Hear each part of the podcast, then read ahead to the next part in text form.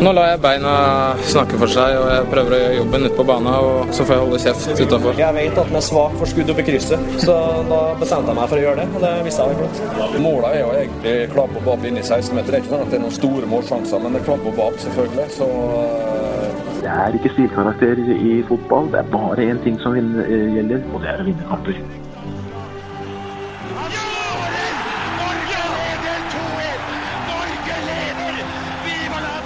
Og der er uh, toppfotball tilbake. Og der er også Lasse Wangstein tilbake. Velkommen, Lasse. Takk for det. Godt å være her igjen. Deilig å se ditt fjes. Hva har du bedrevet? Jeg har bedrevet uh, arbeid. Arbeid? Og så har jeg bedrevet uh, familiefarlivet. Ja.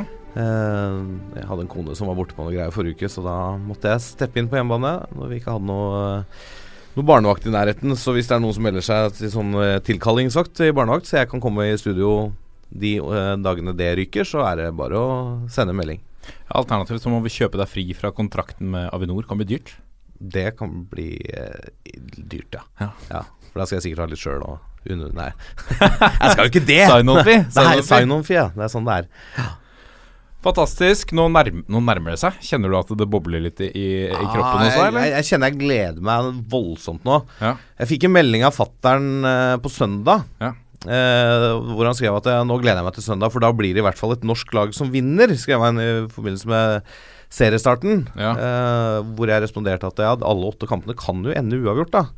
Men jeg håper jo ikke at vi får den seriestarten. Det, jeg håper vi eh, Håper det blir noen gøye kamper når Eliteserien endelig sparker i gang. For gud, dette har vi venta lenge på nå. Ja, det blir veldig, veldig gøy å se det i ny drakt òg, med med fotballen tilbake til folket og alt mulig. Det er nok noen TV 2-folk som blir litt ja, TV 2 er ute og rasler litt med sablene, de òg. Skal jo dra i gang fotballekstra igjen. Og ja. det er jo ikke alle som er like fornøyd med det, ser jeg. Så det jo, blir jo spennende å se hvordan det blir, Men det betyr jo for oss som er glad i fotball, da. Hvis TV 2 kjører fotballekstra med litt klipp, og så har du Eurosport sine varianter, så blir det jo fotball i mange kanaler. Ja. Og det er jo ikke feil for oss som syns dette er gøy. Nei, jo mer eh, sendetid, eh, jo bedre. Ja, helt klart.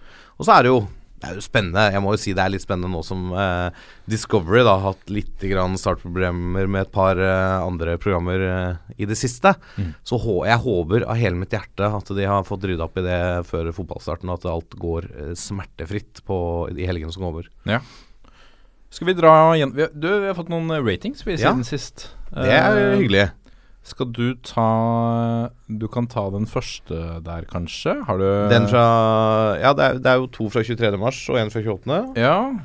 Ivrig podkaster. Ja. ja. Ta den, du.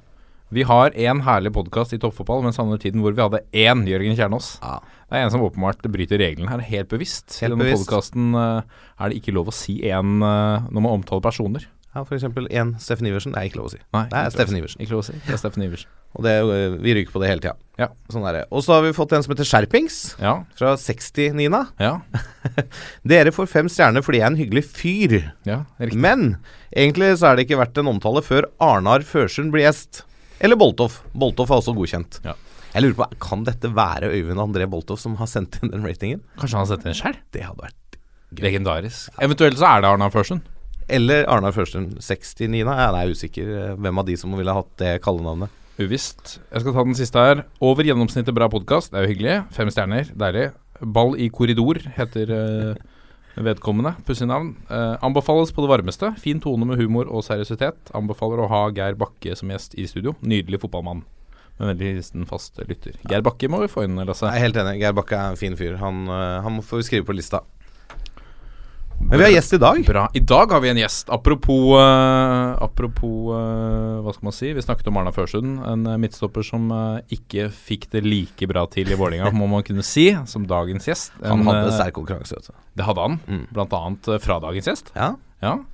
Lyngutten, som ble Vålerenga-helt. firebarnsfaren, midtstopper Bautan, nå kommentator på Eurosport. 41 år gamle evigunge Kjetil Wæler, velkommen. Takk for det. Uh, så gøy å få deg hit. Du er jo en uh, Men jeg, jeg sa, jo, sa, det til deg akkurat uh, med en gang jeg kom inn døra. Så lurte jeg på hvor, hvor, høy du var. For jeg har alltid sett for meg at Kjetil Werner, det er et, det er et tårn. Jeg er ikke et tårn, jeg har aldri vært det. jeg har vel hatt god timing, da. men jeg har hørt folk si at jeg, jeg, vi trodde du var høyere. Ja. Men eh, jeg er kun 1,82. Kanskje jeg var 1,82,5 på, på toppen av en karriere. Men uh, 1,82, så er ikke høyere enn det. Du har klart deg bra med de, eh, de centimeterne der. Ja, Det handler litt om eh, timing i fotball. Så uh, har man ikke høyden, så må man uh, gjøre det beste ut av det. Og det har jo funka greit, det. Men det er, det er Veler, ikke sant? Det er ikke Hvaler. Sånn, du har det? sagt at eh, folk kan si hva de vil. Ja. Jeg, jeg sier Wæler, eh, men uh, navnet er fra Dokka gård. Eller Dokka, eh, det gård. Der sier de Hvaler. Men nå er vi på Østlandet, så da sier vi Wæler. Ja. Eller si hva du vil. På vestkanten sier de Wæler, på- i Vålerenga sier de Wæler. Det er mer typisk Vålerenga å si Wæler. Ja, det er det. det, er det, det. Du har spilt cupfinale i eh, tre land. Mm. Uh, to cupgull. Ett med Vålerenga i 2008, og ett med IFK i 2013. Mm. Uh, og ikke minst et seriegull med Vålerenga i 2005. Mhm. Og med det vel eh, eh, går inn i historiebøkene som en, en Vålerenga-legende med, med en haug av matcher. Og jeg vil vel tro at eh, det laget som spilte og vant serien i 2005, de står med litt ekstra gullskrift i historiebøkene. Ja, jeg tror det. det. Vi hadde jo Vi var nære året før. Og da jeg tror det var kanskje enda morsommere å ta et gull i 2004. For det var en fantastisk eh, sesongavslutning, og vi hadde, en, eh, hadde mange, mange kamper eh, uten tap. Og ja, Steffen Iversen kom inn der, og det var, eh, det var et fantastisk eh, år. Men selvfølgelig, eh, gull også, det, det er fint, det. Men eh, jeg husker nesten 2004-sesongen eh, enda bedre, da vi tapte på færre skårede mål enn Rosenborg. Så, men eh, jeg har opplevd mye, og det var en av høydepunktene, helt klart. Ja, for det er noe med den sesongavslutningen i 2005, da egentlig verken Vålerenga eller Start så ut som de hadde lyst til å vinne. Det var jo i kjempedårlig form begge to, men klarte å karre seg til sølv og gull. da. Det, jeg tror, jeg, vi har sagt det før, det hadde ikke vært mange rundene til før Lyn kunne ha sniket seg forbi. For de var rett bak der, de òg. Skal vel sies at Start hadde ni stolpeskudd eller et eller annet. Ja, da og den offside-avblåsning og noe greier, så det var jo mye tilfeldigheter. Men det er jo fotballen, da. Og det var jo tilfeldigheter året før òg. Altså, en eh, ellers rimelig sikker Morten Berre, hadde han putta aleine med Jon Knutsen nedrykksklare mot nedrykksklare Stabæk der, så hadde jo Vålerenga vunnet i 2004. Så, Hei til deg, Morten Berre. Takk Hei, Morten Berre.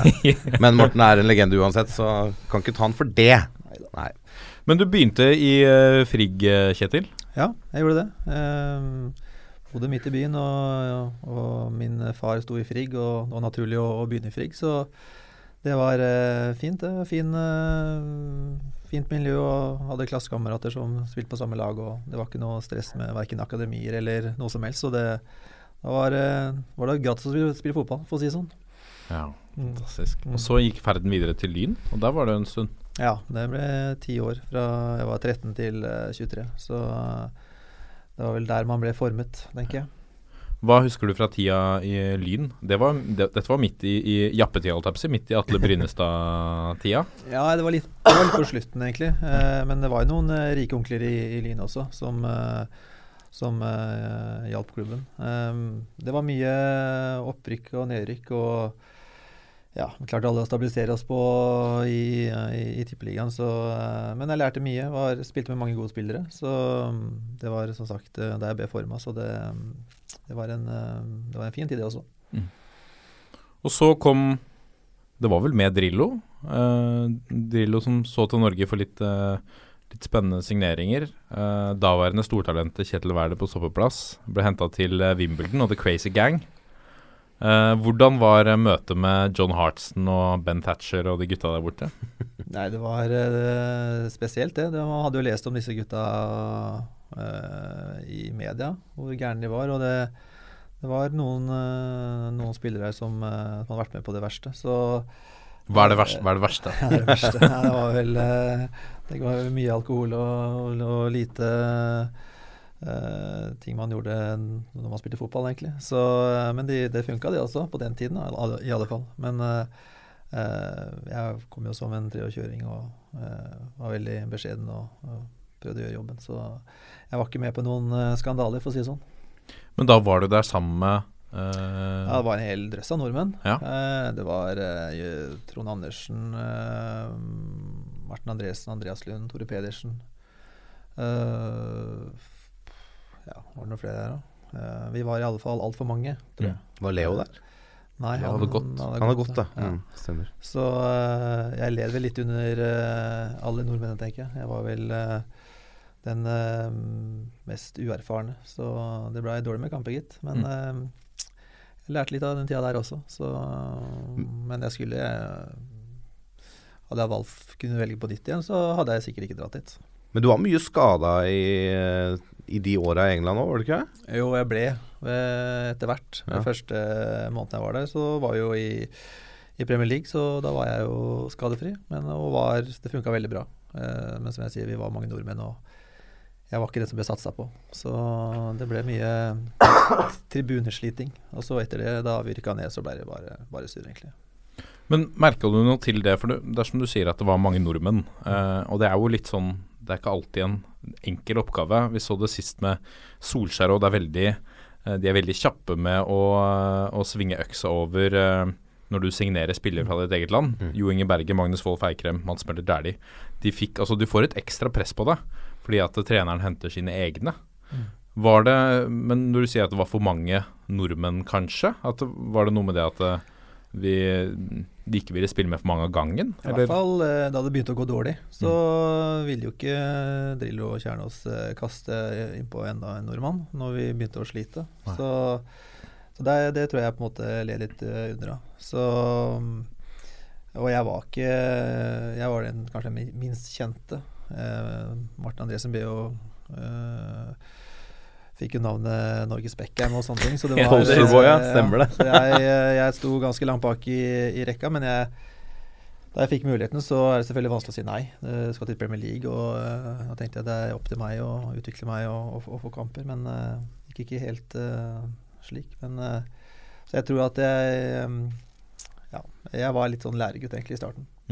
Hvem er det, hadde på, hvem er de eh, som var foran deg i køen på stoppeplass? Kenny Cunningham var en Ja. irsk eh, landslagsspiller. Eh, Trond Andersen eh, spilte også midtstopper. Veldig, var veldig bra. Eh, det, han hadde kan, kanskje sine beste år i, i England. Eh, og en veldig hyggelig fyr. Og, Og han ble en, en helt blant fansen også. ja, absolutt. Og han var, eh, han var veldig stabil og god hele veien. Så han vil jeg jo påstå var en av ja, Kanskje den eneste som lykkes av nordmenn der borte i, i klubben. Så eh, så glemte jeg vel Andreas Lund også, han var også der. Og Var ikke Stål Solbakken også innom uh, Wimbledon? Det var også før min tid. Ja. Mm. Eh, så vi var mange nordmenn, og, men som sagt det var Trond Andersen som, eh, som eh, var bautaen der, egentlig. Men det gikk ikke helt som, som du håpet. Eh, og da gikk ferden videre hjem, hjem igjen til, eh, til Moss. Ja, jeg fikk eh, Etter eh, å ha vært litt småskada, så fikk jeg prøvd lykken i, i Moss. Og Brakstad og Erland Johnsen var trener der. Ja. Erland Johnsen også, en skikkelig Erik Brakstad, Erik Brakstad, Mm, kanskje. ja, Erik, ja. ja. Han var, Molde, han var jo Molde tidligere Moldemann. Ja, ja. Og jeg syns det var kjempestort å bli henta av de. Det, han hadde jo hatt suksess med, med Molde, tror jeg. Og Erlend Johnsen, alle vet hva han har gjort, så beinknuseren. Så det også var eh, Det satte jeg veldig pris på å bli henta til, eh, til den klubben der. Så spilte jeg på høstsesongen der og endte med en skade der også. Møtte Vålerenga og fikk eh, et spark i leggen av Kristen Vikme. Og brakk, brakk fibla-hodet. Så var litt uheldig, men det er en del av gamet. Så, men det var litt spesielt at det skulle skje mot Vålerenga, og så skulle jeg, skulle jeg dit senere. Ja, for da kom, eh, da kom Vålerenga på banen etter at du må ha gjort en god høstsesong i, i Moss? Jeg har jo rykka ned, da. Ja. Men det gikk, eh, for min del gikk, eh, gikk fint. Jeg fikk begynne å spille fotball igjen, og det hadde jeg jo savna ganske lenge. Så ja, var litt mye sur med Wimbledon også, og fikk Den kontrakten ble uh, revet i to, kan man si. Så det var eh, litt sånn å prøve å Da, ny, da 2003 kom, så var det å, å trene litt med Vålerenga og så spille seg til en kontrakt, og det Jeg klarte det under uh, Rekdals uh, trenerskime der, så det så var der i ganske mange år, da. Ja, for du var leid ut til Moss, Jeg var leid ut til Moss. og så ble kontrakten gjort? ja. så blei det noe surr med Wimbledon, og så ble det men som sagt revet i to. Og så flytta jeg hjem, og, og Lyn ville ikke ha meg. Så da måtte jeg prøve en annen klubb i Oslo. Ja, Sier du nå at Lyn var førstevalget? Da du skulle gå fra Moss? Nei, eh, det er jo naturlig kanskje å søke dit man har vært tidligere, tenker jeg. Ja. Uh, men jeg dro til, jeg flytta som sagt hjem igjen og um, ja, trente, med, trente en periode med Vålerenga og spilte noen reservekamper, eller treningskamper blir det vel. Og imponerte såpass at jeg fikk kontrakt, da. Mm. Så, Og det, sett i ettertid, eh, var en, må vi kunne si, en ganske god beslutning, eh, eh, i hvert fall av Vålerenga, og det virka som det var det for deg også. Du, Vålerenga-fans vil vel si at du på en måte fant der, det, var, det var ditt høydepunkt i karrieren på mange måter. Eh, men du har jo hatt en periode i, i Sverige også, Og Danmark. og Danmark, ikke minst. Men eh, hvis vi først tar denne tiden i den første tiden i Vålerenga, eh, fra 2003-2009 mm. Eh, som inneholdt bl.a. et eh, seriemesterskap og et uh, cupgull. Hva er det fra den tida der som, som står igjen for deg som gode, med gode minner? Har du noen gode historier fra, fra den tida? Vi unngikk jo nedrykk i 2003. Ja. Det var denne fantastiske kvalikkampen mot Sandefjord. Mm. Og det var jo takket være den kanskje videre eksistens for Vålerenga også. Vi sleit ikke bare på banen, men også økonomisk. Så det å klare å holde seg i uh, tippeligaen uh, etter 2003-sesongen var jo fantastisk. Og så uh, Så det husker jeg veldig godt. Og så husker jeg selvfølgelig 2004, at vi fikk et sølv og, og, og, um, og gull i 2005 også. Og jeg spilte med, med mange gode fotballspillere. Så det var, det var et måte, voksent lag, og det var flere typer enn det det har vært de siste årene. Og jeg var ikke eldst i gruppa, så jeg fikk lene meg litt til de eh, rutinerte, egentlig. Hvem var det da? Hvis vi Ja, Ronny Johnsen var vel Ja, innom der en tur, da, blant annet. Ja, Steffen Iversen, som sagt. Steffen kom jo, Arnie. Eh, Erik Hagen var der. Det var eh, Tom Menning Håvi var en fantastisk kaptein. Eh, Mm. Vi hadde et eh, veldig komplett lag, egentlig. Så eh, det var en eh, artig tid eh, i den perioden der. Ja, for det var jo det laget, Vålerenga-laget på de i åra der, var jo på en måte en sånn stamme med eh, solide, rutinerte gutter, og ispedd en del unge, spennende, lovende Altså Du hadde jo Christian Grindheim, da, som kom før 2005-sesongen, som litt sånn ja, Om ikke ubeskrevet blad, men var jo ønska viking òg. Men han ble jo skada i oppkjøringa, så viste det seg at han ble jo meget god i løpet av året. Gashi var jo ikke gamle karen da han Ja, jo Brødrene Holm òg. Brødrene Holm var jo Det var mange Koste seg der. Eh, jeg husker jo for øvrig, apropos 2004 Etter den der eh, Sandefjord-kampen så var jo Vålerenga i Newcastle og spilte e-cup. Ja. Var ikke det da? Jo. Ja, Jo, det var 2004. Ja. Vi spilte da Runar Nordmann skåra 1-1-målet på, på Ullevål og sa at uh, hadde ikke vært for den skåringa, så hadde jeg ikke trengt å reise til England engang. da møtte jeg Siem, det, det var jo rett før jeg begynte å jobbe i Vålerenga, på en eller annen sånn fest, Vålerenga-fest i Newcastle, og spurte han åssen går det i året, Kjetil, med, med Vålerenga? Hvor havner vi på tabellen? Nei, i år så blir det medalje, sa Siem da. Og det var da rett etter vi hadde så vidt berga oss da i eh, i Eliteserien. Offensivt? Det var offensivt. Jeg hadde litt vanskelig for å tro det, men det er klart når uh, Iversen og Arnie Gauter Arason ramla inn der på sommeren på Valle, og, og begyn ting begynte å sette seg, så blei jo det en fantastisk sesong. Ja, så var du inne på det med litt sånne spilletyper som Tom Menning Håvi, eh, Holm-brødrene. Altså eh, eh, Daniel kom jo tilbake, men, men eh, dette var jo spillere som var en, Thomas kom tilbake. Ja, Daniel Thomas var kom tilbake. Ja. Um, som var en del av dette laget Og over lengre tid. Jeg følte at uh, det var spillere som har vært der uh, lenge. Det var, år uh, det var ikke like stor gjennomtrekk, eller husker jeg feil? eh? det var nok en del spillere som kom og, og også forsvant. Eh, Hagen ble jo proff etter et eh, ja, i Wiggen, ja. ja, Nei, det var han dro til Se Zenit. Ja, det var. Etter 2004. Ja, Mm. så det ble litt utskiftninger til 2004. Kom, da kom jo ja, Ronny kom vel inn der, og Flo var med. Og, Jallan ble borte etter 2004. Ja, så det var, eh, men det var eh, Vi klarte å erstatte de som dro, da. Mm. Så det var veldig Kanskje litt mer eh, system i galskapen, kanskje. Men så gikk turen til Aalborg i 2009. Ja. Det Der var det tre sesonger. sesonger. Det dro etter uh, cupgullet i, i 2008. Uh, vi, det var også en veldig bra fotballminne, egentlig. Det var kanskje den morsomste opplevelsen på fotballbanen å slå Stabæk det året der. Eh, Så det var en veldig bra avslutning for, for meg da i, i første perioden eh, i, i Vålerenga. Så Men så gikk uh, karrieren videre til Aalborg. og Fantastisk tid der også. Og litt annen type fotball. Litt mer uh, internasjonalt i det med possession. Så det var litt det var et, et to vidt forskjellige ting. Det å spille i Tippeligaen og det å spille i, i, i Superligaen. Så tre, tre veldig bra år der også. Hvordan gjorde Aalborg det da, da, du var der? Ja, jeg hadde en fantastisk start. Vi var jo i FA-cupen, som det het en gang. Ja. Og gikk jo til kvartfinalen og møtte City. Og vi hadde jo slått uh, Deportivo Coruña 6-1 sammenlagt. Uh, det, det, herregud, herregud, det er sant? Første, første matchen min var på Ålborg stadion. Vi vant 3-0 mot Deportivo. Og dro ned, det er greit. Og dro ned og spilte returen og vant 3-1 der nede. Så ble jeg dessverre skada før City-kampen og var trente på Main Road, tror jeg, ja. eh, dagen før eh, den kampen der. Og og fikk en lyskestrekk og måtte se faktisk begge oppgjørene fra, fra tribunen. Og vi gikk jo røyk på straffer da, i Aalborg ja. i returen. Så det, var, så det, var, en fantastisk start på, eh, på den eh, karrieren der. Så det, det, var, det var en fin tid.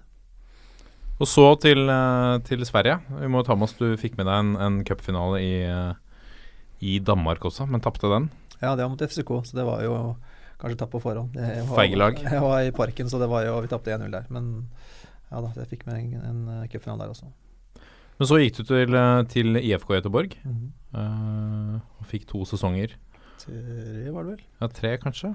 Ja. Mm -hmm. uh, hvor jeg, Hvis man googler Kjetil Wæler, så, så dukker det opp uh, noen saker hvor du den ene saken hvor Drillo var eh, landslagssjef i periode to, mm. hvor du akkurat har storspilt for IFK i en alder av 39 og ikke helt forstår hvorfor, hvorfor ikke du kan være aktuell for landslaget. Husker du det? Ja, jeg var vel ikke 39, vel. Ja, 37 kanskje. ja, det var vel Det begynte vel å Jeg begynte sånn fotballmessig å dra på åra, men ja. ikke prestasjonsmessig. Nei. Så i senere årene også har det vært litt diskusjoner om jeg burde vært på landslaget. Så øh, men jeg tror uh, alderen har vel uh, gått litt mot meg, sånn sett. Mm. Uh, og noen har valgt å, å, å bruke det framfor prestasjoner. Da. Så, mm. men jeg, jeg, har vært heldig egentlig å holdt på med fotballen i lang lang tid, så jeg tenker ikke så veldig mye, mye på det mer, egentlig. For du fikk 32 kamper på landslaget. Ja. Én scoring. En scoring, ja. Husker du når det var? Eh, jeg husker ikke helt uh, årstallet, men vi, vi spilte mot Sør-Afrika. Jeg tror det var rett før uh, Sør-Afrika hadde VM. Jeg tror jeg. Ja. Det var et langt innkast av ris og stuss fra Karev, og det var egentlig bare å sette den uh, i hjørnet. Så Kan du være på? Ja. I Sør-Afrika? Nei, det var, det var på Ullevål. Ja. Det var da Jeg lurer på om det var da Handshake for Peace ble lansert òg. Ja, riktig. Yes Lurer på om det var liksom første gangen det ble offisielt vist fram. Handshake for peace. Mm. Handshake for peace. Norsk oppfinnelse. Historisk uh, På historisk grunn der, altså, Kjetil. ja, altså, det var fint, det. det var, jeg har spilt med mange gode, gode spillere på landslaget også, så jeg har fått med meg litt, da. Det. Men det er litt gøy det med, med alder, da, for hvis vi kan kalle det det når vi snakker om deg, Kjetil. For det, jeg som alle vet, har jo jobba i Vålerenga, og gjorde jo avskjedsintervju med deg etter, uh, før du dro til Aalborg. Okay for VIF-TV. Og da husker jeg vi snakka litt om det her med i, Før intervjuet, da. Med liksom at det, Ja, kanskje det siste utenlandsopphold og mm. muligheten til å gjøre det nå. Og så sa du men jeg hadde jo tre år jeg ikke spilte fotball, så jeg kommer sikkert til å spille til jeg er 40, sa du da. Sa jeg det, ja. og det har jeg tenkt på mange ganger i etterkant, den kommentaren. Mm. Og i hvert fall da Vålerenga henta deg tilbake igjen. Så var sånn, ja, det, han har jo sagt Dette har jeg jo hørt, at ja. han kommer til å holde på noen år til. Og det har jo aldri sett ut som alderen har vært noen hindring da de siste åra heller, så Nei, det er hyggelig å høre det. Det, det, er litt morsomt. Ja. Det har liksom bitt meg merke i akkurat den kommentaren. Eh, den kom i starten av 2009, altså. Det er noen år siden. ja, det er det. Hvorfor ga du deg nå da, Kjetil? Ja, det er mange som har spurt meg om. Eh, jeg vil jo si Jeg har jo spilt fotball veldig lenge, og på et eller annet tidspunkt så blir man kanskje litt mett også. Eh, og så følte jeg vel at det er greit å gi seg på topp. Mm. Og det følte jeg at jeg gjorde. Eh, men samtidig så var det mye surr i Vålerenga i fjor. Eh, og det å bruke så mye tid på fotballen og, og, eh, og, at det er så mye som skurrer eh, både på og utenfor banen, det, det syns jeg ikke noe særlig om, egentlig. Og så gleden forsvant litt egentlig etter uh, sommeren i, i, i, fjor. Så, uh, så jeg annonserte jo dette her i, i, august, at jeg skulle gi meg. Så, mm. Og jeg da har jeg brukt mange måneder på Eller jeg brukte mange måneder på å tenke gjennom valget mitt og forberede meg på livet etterpå, så um, jeg angrer ikke på det i det hele tatt. Men jeg, det skal være lystbetont og gøy å spille fotball. og og som jeg sier, når jeg bruker så mye tid på det og legger ned så mye arbeid, så, og man får litt lite igjen fra det, eh, i, fra all, alt det man legger ned, så tenkte jeg at det ja, nok får være nok, egentlig. Så men hadde Ronny kommet inn tidligere, så vet man aldri. Nei, for det, Ja. Men du, du tror eh, at du kunne klart noen år til på Ja, absolutt. toppnivå? Absolutt. Men jeg, jeg har ikke noen grunn til å si, gå rundt og si det heller. For da vil folk si at ja, men da skulle du bare fortsatt. Mm. Så øh, Men jeg kan jo si det her for en siste gang, at jeg kunne selvfølgelig holdt på noen år til. Eh, så, men eh, jeg syns det er greit. Jeg syns 40, tallet 40 var, var greit, egentlig. Eh, så er det noen andre som får eh, vise frem på arenaen, og ikke, ikke meg. Så barna mine skulle selvfølgelig at skulle selvfølgelig håpe at jeg skulle fortsette lenge, men eh, som jeg sa til de, nå kan jeg følge dere istedenfor, så da tar vi derfra. Ikke så mange år til de begynner å vise seg fram på norske eliteseriebaner. vet du, Så. Kanskje? Ja, litt til, men de, de har i hvert fall et eh, godt fotballhode, så eh, jeg prøver i hvert fall å fortelle dem hva de skal være bevisste på, egentlig. Men Vålerenga savner vel litt bredde på, på stoppeplass, så med et par skader, eh, gitt scenario, Ronny Deila slår på tråden, kan du komme på trening? Nei, jeg tror ikke, jeg tror ikke det. Jeg, han er veldig glad i yngre spillere og så utvikle de. Så, uh, men jeg har jo sånn spøkt med noen kompiser da, og sagt det at uh, det er vel det kniper vel i noen lag til sommeren, tenker de, da. Så jeg sa det at ja, hvis de jeg skal nok klare å, å gjøre en jobb hvis det er noe som absolutt må, men det, det skal koste. det blir ikke dyrt, dyrt å hente Kjetil Wæler til sommeren. Det det. Men du har, Det er ingen overgangssum, da, men en, kanskje en solid sign-on-fee og litt uh, prestasjonsbasert Ja, ja det, er, det er antall kamper eller per kamp eller noe sånt. Så vi skal sikkert løse det. Men akkurat nå så Sånn skal det være. Ja, ja. Så, men jeg, det er ingenting jeg savner akkurat nå, iallfall. Nei. Hvis du er, hvis du er slutta med å ha agent og sånn, så kan jeg bare snakke med Vi kan ta det, vi. vet du. Vi fikser det. Et par ganger i uka her, det holder, det. ja, ja, ja. Dette løser vi. Men øh, øh, hvem er den beste Du har hatt litt trenere i din karriere. Hvem er det som, som står igjen for deg som, som den beste? Best Jeg har på en måte vært Jeg har ikke tenkt så veldig mye på de eh, hva de trenerne jeg har hatt, hvordan personligheter de har hatt. Jeg, mener, jeg har forsøkt å gjøre jobben i alle de klubbene jeg har vært i, og det har på en måte vært viktig for meg eh, å ikke legge så mye tanker rundt, rundt det. Men hadde en i Aalborg, Kent Nilsen, tidligere forsvarskjempen eh, på danselandslaget som vant EM i 92. Eh, veldig fin fyr og veldig tålmodig på feltet og eh, flink til å lære bort. Eh, hadde en eh, Mikael Stare i IFK Göteborg. Veldig ener energisk eh, person som alle har spilt fotball selv. Så det er litt morsomt å ha trenere som har spilt fotball selv på høyt nivå, og trenere som ikke har gjort det. Det er eh, to vidt forskjellige ting, egentlig. Så eh, jeg har hatt, eh, som du sier, jeg har hatt mange, mange trenere opp igjennom, og hver har vel hatt sin karakter, egentlig. For der har jeg et spørsmål når du sier det. Du har hatt noen som har spilt på høyt nivå, andre som ikke har gjort det. For i, I hvert fall inntrykket mitt da i, Skal du gå trenerløpet i Norge, så er det nesten en forutsetning at du har spilt på et visst nivå for å lykkes, og kanskje også for å få respekten i spillergruppa. Det vet jeg ikke. Men du har jo f.eks. José Mourinho. Han har vel eh, ikke spilt på det høyeste nivået. Du har jo noen sånne varianter eh, som har lykkes uten å være veldig gode spillere. Er, men er det vanskeligere for de, eh, fra, i, i, hvert fall i starten av karrieren, å skaffe seg nok eh, kred i en spillergruppe?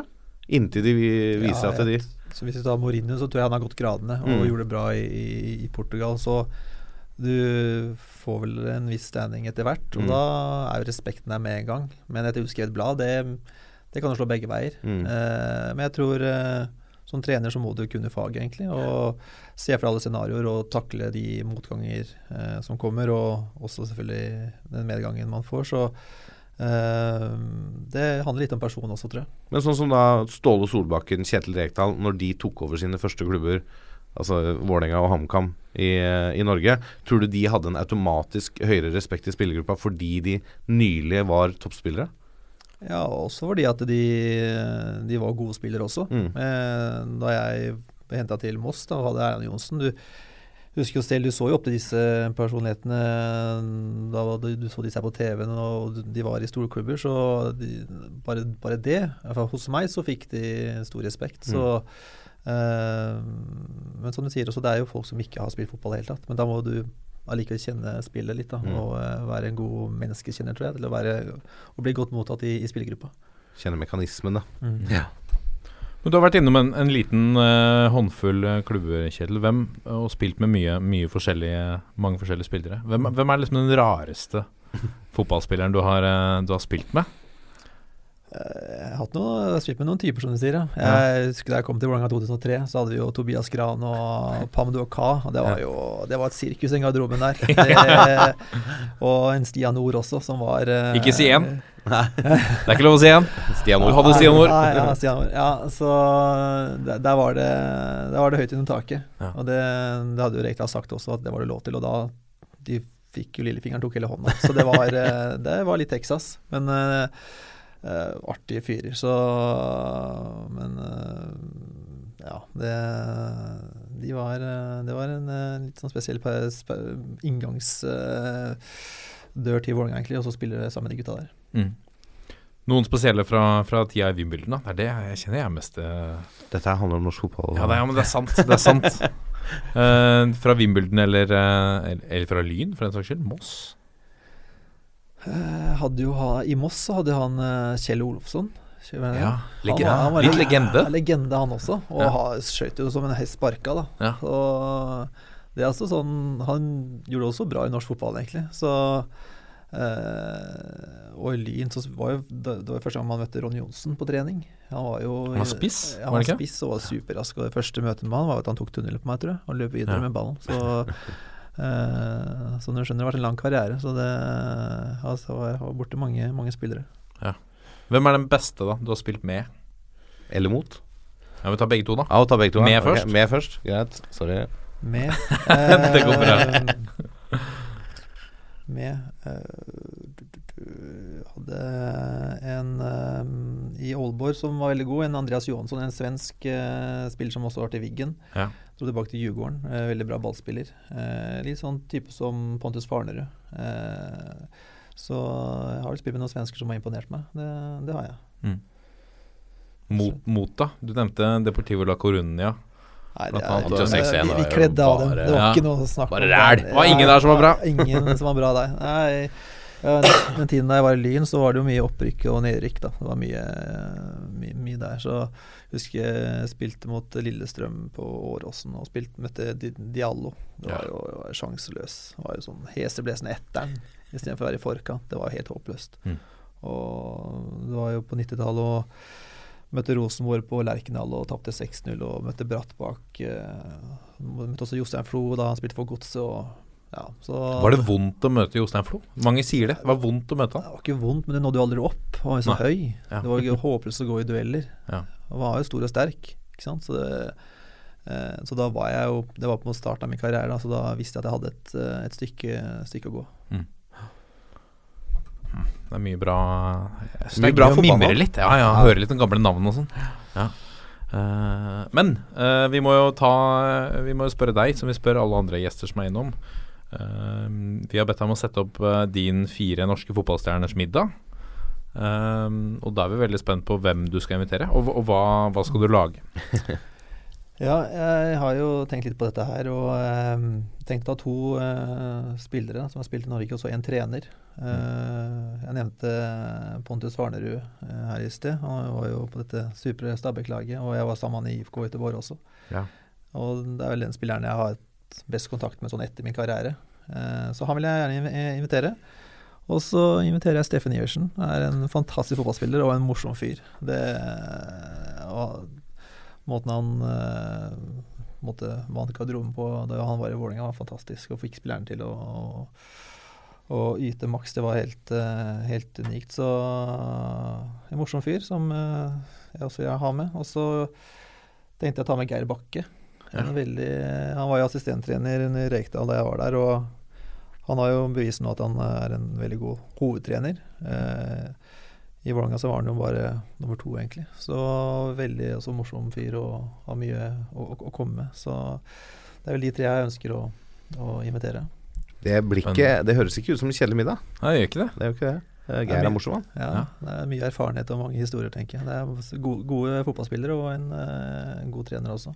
Jeg, men jeg tror, apropos Geir Bakke, jeg tror det er litt lett å undervurdere Geir Bakkes eh, hva skal jeg si, eh, fotballkunnskap og faglighet fordi at han har vært eh, assistent så lenge. Ja. Men vi må huske han er eh, seriemester med Vålerenga som assistent. Mm. Han er seriemester i Stabæk som assistent til Janne Jønsson. Og han er seriemester med Molde under eh, to Nei, under Ja, Toro.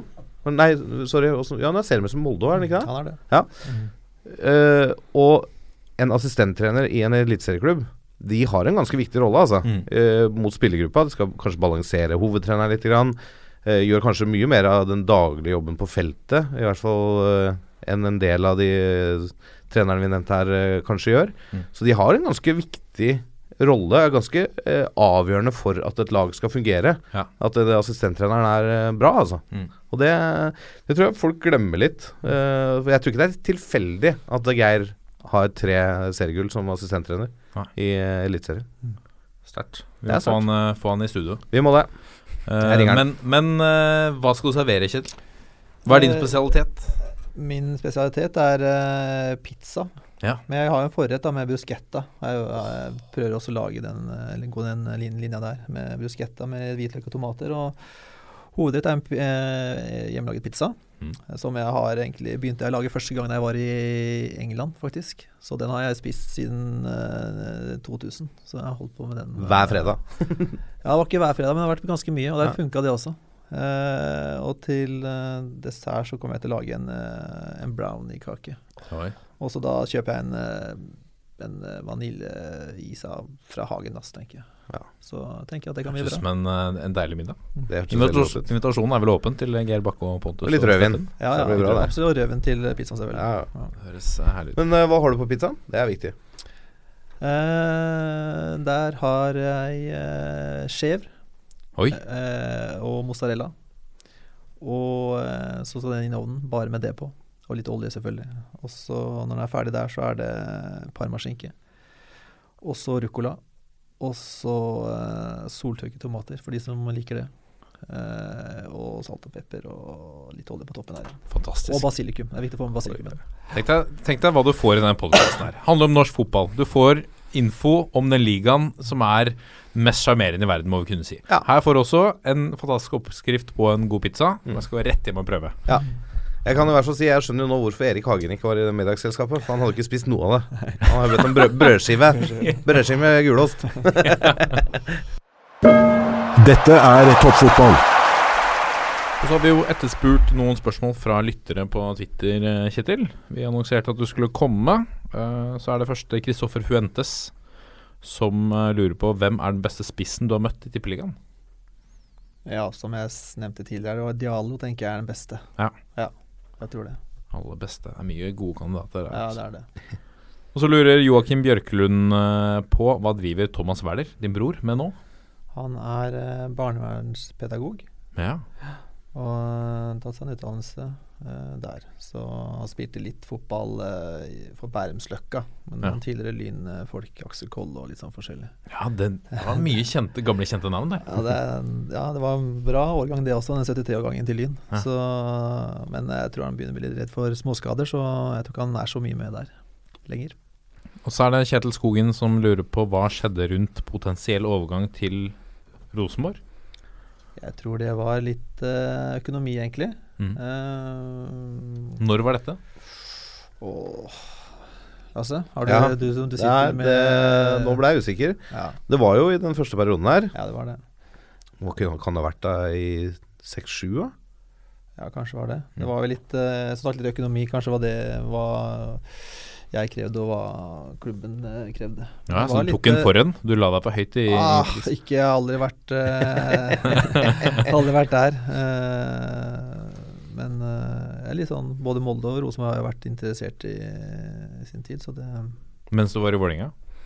Jeg tror Molde var vel da jeg var i Lyn. Ja. Mm. Det var før, men det var før liksom uh, jappet jeg i Molde. Ja, men de hadde jo De hadde jo de samme Røkke Gjelsten og I var jo der, de da. Så ble det Wimbledon istedenfor, og det var jo Røkke og Gjelsten der òg, da. Så Ja. det var jo liksom hipp som happ, egentlig, kanskje. De fikk det jo som de ville. Fikk det heller. Og så er det fra eh, Lars Olav Vartdal, som lurer på spørsmål til Kjetil. Påstand stoppesituasjonen i Enga er det som skiller de fra medalje? Spørsmålstegn, påstand, et eller annet? Nei, jeg tror det som eh, kanskje stopper de fra medalje, er kanskje skader. Jeg tror de er sårbare for det, egentlig. Ja, Så du mener at stallen per i dag er god nok til medalje? ja, jeg, s- nå tok vi stoppesituasjonen. Jeg syns de Ja. som spiller her eh, nå, de klarer seg bra. De. Og en Tolle som kan være skadefri, kan være bra. En nakke som er uh, fremadstormende, det kan også se også veldig bra ut. Så eh, Men selvfølgelig får man skader i en bakrekker så, så kan det jo knipe litt der. Men eh, eh, vi får nå se hva som, hva, hvilken plass de ender på. Ja, for- Får vel være så ærlig at uh, Jonathan Tollos Nation har jo vært litt skadeutsatt de siste sesongene. Jeg tror jeg 32 kamper er på to sesonger, så det er avhengig av at han holder seg sånn som han har bank i bordet gjort i eh, vinter. Ja, det er det. Det Ja, altså at de uh, At du på en måte holder på de, de stopperne du, Mm. du starter med sånn på vinterstid. For Mm. det, det har vært litt for mye skifting de siste årene.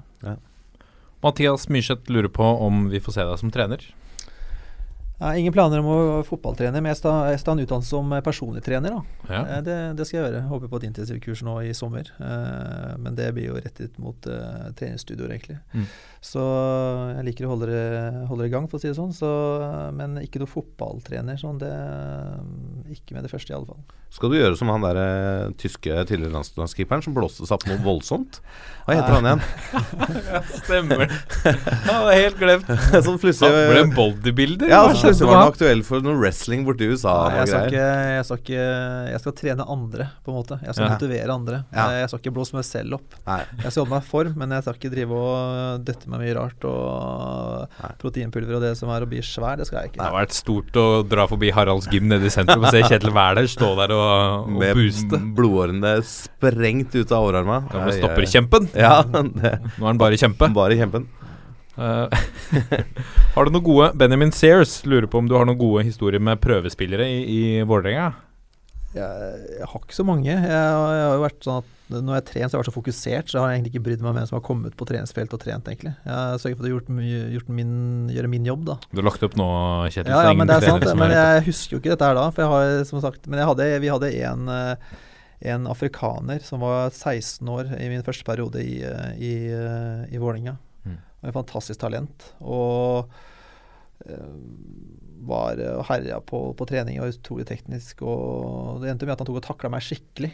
Og jeg bare fikk litt sånn bakoversveis og uh, Hva var dette her for noe? Men uh, han var bare 16 år, tror jeg. 15 eller 16, og jeg tenkte at dette får la gå, egentlig. Men eh, jeg vet ikke hva som skjedde med han. Så han blei Jeg tror han kanskje var for ung til å ta inn i landet for å oppholdstillatelse. Jeg tror det var sånn greie. John Men, Obi Miquel, kanskje? han var? Ja, kanskje nei, det var ikke han, altså. Men han her var veldig bra. Så hvis det er noen som har info hvor han oppholder seg, så hadde det vært greit å vite det. Thomas Brekke Sæteren, hvis du hører på, så må du sende oss melding, for jeg husker ikke navnet på han. Det tror jeg du gjør. Ja.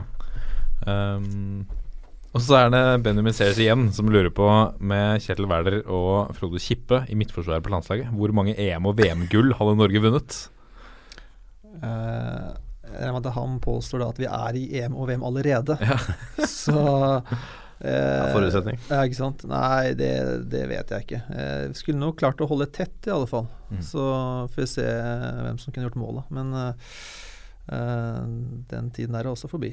Ja. Mm. Hvem er den beste stopperen du har spilt med? da? Altså Kanskje det beste stoppeparet? Hvor du har følt det har funka best? Uh, jeg liker jo å spille med midtstoppere som kan ta til seg beskjeder og meldinger. Og det er ikke alle som av de jeg har spilt med, som har gjort det. Eh, jeg spilte med Nander Muri, som det funka veldig bra. Mm. Uh, og det Man var sikkert ikke den beste sånn, sånn sportslig sett. Erik Hagen hadde jo en veldig bra sesong før han ble solgt. Og eh, jeg har spilt med Ronny Johnsen. Jeg jo, jeg har spilt med så mange. Så eh, en Brede Hangeland, f.eks. på landslaget også. Han sier én, vet du, men han er gjest. Ja, så men vi kan ikke, vi kan ikke Men vi må jo prøve å si ifra, sånn at vi kan lære han dette til han skal på TV. vi må lære? Kjetil også litt uh, før han skal på fjernsynet. Ja. Han sier ikke én. Si Må ikke én, si- bare navnet. Må si Ronny Johnsen. Jeg har spilt med Ronny Johnsen. Jeg, har spilt med- jeg har spilt med Brede Hangeland. Ja, nettopp. Der, nå har vi den. Der satt den. Bra. Ja. Ja, det, er en, det er en god rekke. Jeg skjønner at det er vanskelig å plukke der. Det er noen av de beste stopperne i Norge. Jeg tror jeg De debuterte siste- på landslaget med Klaus Lundekam også. Ja, ikke sant? Det var min første kamp. Mm. Så det har vært, eh, det har vært mange. For noen spillere. Mm. Ja. Det var jo på den tida vi hadde Vi hadde liksom klare enere på Vi har snakka om det her mange ganger før, jeg veit det, det kommer tilbake, men da hadde vi klare enere på stoppeplassen. Ja, men du hadde ikke klare enere fordi du hadde så mange enere? jo, da, det var men, ja, kamp ja, det var om, kamp om om midtstopperplassen, Ja. men uh, alle var gode, da. Ja, alle, jeg tror det, eh, det er forskjellen. Alle Ja. var gode. Ja, det og det, det var lett å lære fra de som var gode. Mm. Ja. Og det, det, vis- det savner vi litt. Grann. Eh, et spørsmål fra Jørgen Hansen. Kan du snakke om det siste året ditt i Vålerenga? Det har vi for så vidt eh, gjort uh, litt. Uh, hva skjedde med de elendige resultatene på våren? Men, eh, men eh, så følger han opp med Angrer du på at du la opp? Nei, det, det gjør jeg ikke. Eh, Jeg kan også snakke litt om de elendige resultatene. Vi, vi skåret jo ikke mål i starten av fjorårets sesong. Eh, Jeg syns det fungerte for min egen del bra eh, i starten. Man blir ikke lagt merke til når vi ikke vinner kamper og vi ikke skårer mål. Så det tok ikke noen kamper der før vi begynte å putte. Vi hadde vel kanskje første seier mot Tromsø, tror jeg var 4-0 eller noe sånt. Mm. Og så eh, Jeg tror det var litt sånn lite Vi hadde trent veldig mye defensiv struktur og veldig lite offensiv struktur. Jeg tror samhandlinga var ikke satt ikke helt offensivt, og jeg tror vi etterspurte det egentlig en periode der. Så øh, det var ikke helt samhandlingen som satt der offensivt, iallfall. Eh, jeg tror eh, Må ta med svensken nå, da. Må ta med svensken nå. Jakob eh, Kronløf, som lurer på beskriv kjærligheten til IFK Göteborg. Det er en fantastisk eh, klubb, fantastisk by. En historisk veldig bra klubb. Har vunnet mye. Mange eh, helter der også, som de støtter seg på fremdeles. Og eh, Ullevi, fantastisk å spille på. Eh, nå starter jo sesongen i i Sverige nå til, eh, til lørdagen. Jeg tror jeg har solgt eh, Jeg tror faktisk jeg spiller på nye Ullevi da mot Malmö første kampen. Og jeg har solgt 30 000, tror jeg. Så det er eh, den Ja. tilhengerskaren i Sverige er, Ja, eh, altså. er noe helt annet enn i Norge. Så det Og når man blir likt av supporterne der eh, No offense mot uh, norske supportere, for det har vært veldig bra, det også. Men uh, det var så mange flere der. Mm. Og nå er Sverige et større land også, så det er sikkert litt at det er flere folk som følger med og sånn. Sånne ting også, men, men det er fantastisk. Så 1. april så er det, tror jeg det er IFK Göteborg mot Malmö, så da blir det trøkk der også. Men ditt første minne med Ullevi, det var vel ikke så bra? Det er da jeg spilte i Vålerenga, tenker på, eller? Ja, Royal League. Nei, det var gikk litt hett for seg der i starten. Det ble et rødt kort, vel. Oi. Så jeg møtte jo han jeg, han jeg da kom borti. Stefan Selakovic. Ja. Han, det var den første han nevnte da jeg kom til klubben, for han var der fremdeles. Jeg sa at du, du filmer er jeg skuespiller. Men det er sant, det. Det var ikke ikke den beste opplevelsen, det. Ved rødt kort. Kjetil Rekdal kasta en eh, bøtte gjennom sida på benken der, det der glassburet. Oh, ja. Det var- det dansk, dansk dommer, faktisk, og han Ja. dø- dømte meg i, i Superligaen også, så jeg husker han. Så det var, var en dårlig dommer. Det var Han, en, han likte ikke Kjetil Wæler. Nei, han gjorde tydeligvis ikke det. det er helt håpløst. Nå kommer pulsen. Da er vi kommet til pulsen, Lasse og Kjetil. Ja. Uh, vi skal begynne med å rippe opp i eh, en kamp vi helst ønsker å glemme. Men vi må, i og med at vi har en, en midtstopperlegende i studio, eh, snakke litt om eh, hva, hva skjer med midtforsvaret vårt. Altså, det var my, det var mye gærenklasse med Nord-Irland-kampen.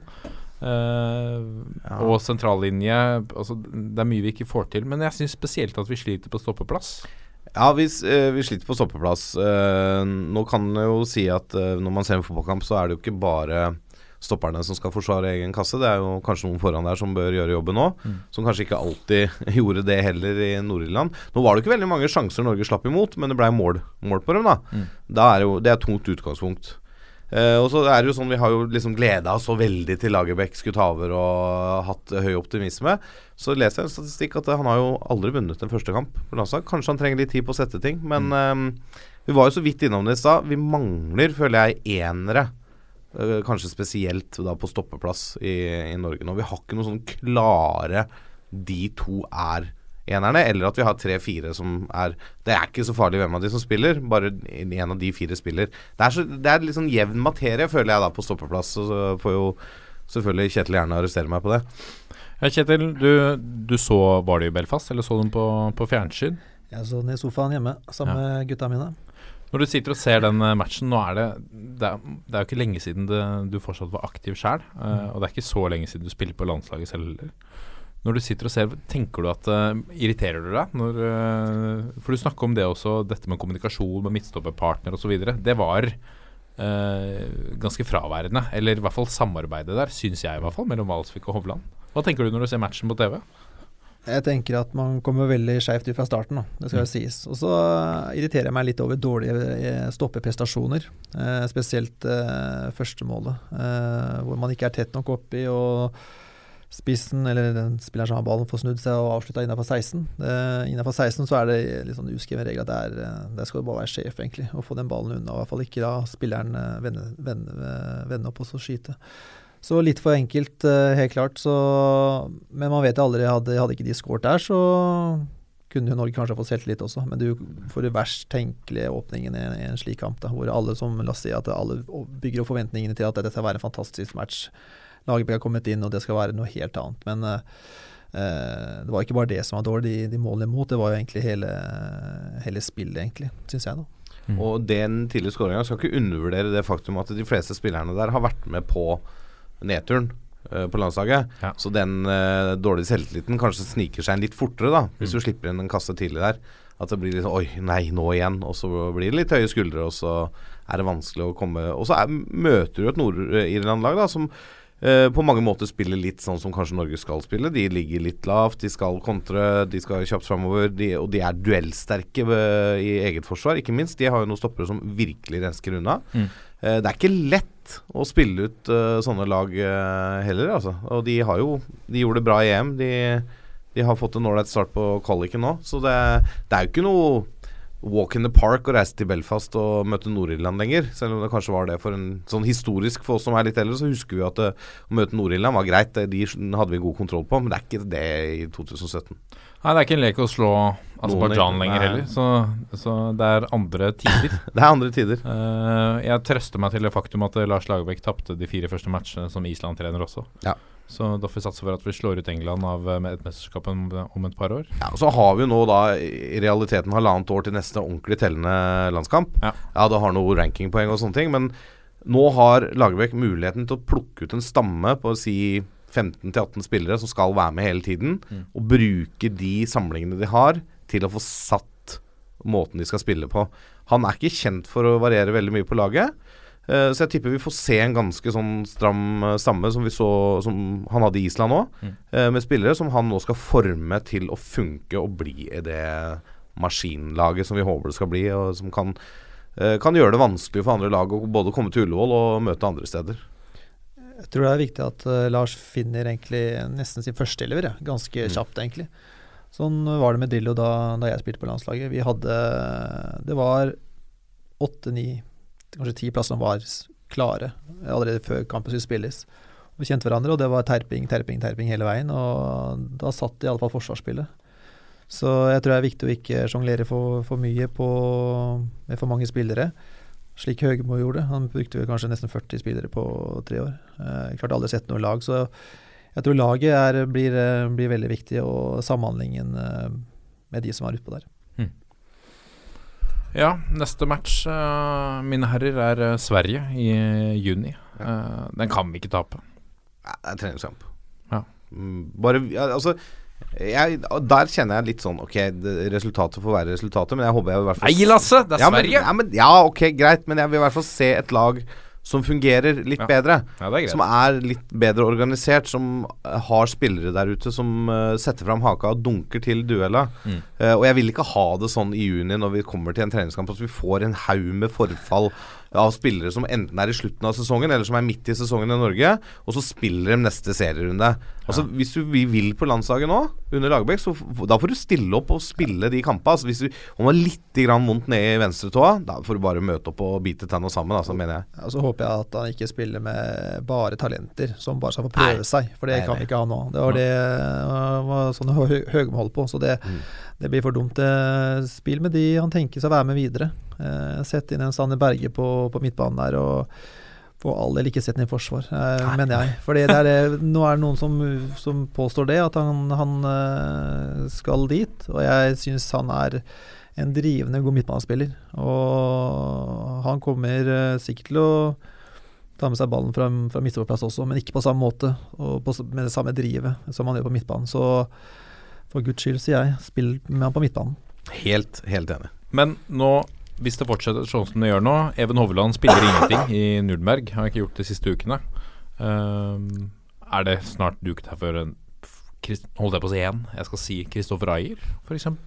Ja, hvis han fortsetter å spille og levere i Skottland, mm. så kan jo han være en aktuell kandidat på den stoppeplassen. Ja. Uh, helt klart. Uh, og så har du jo uh, Du nevner jo her disse to Odd-stoppera.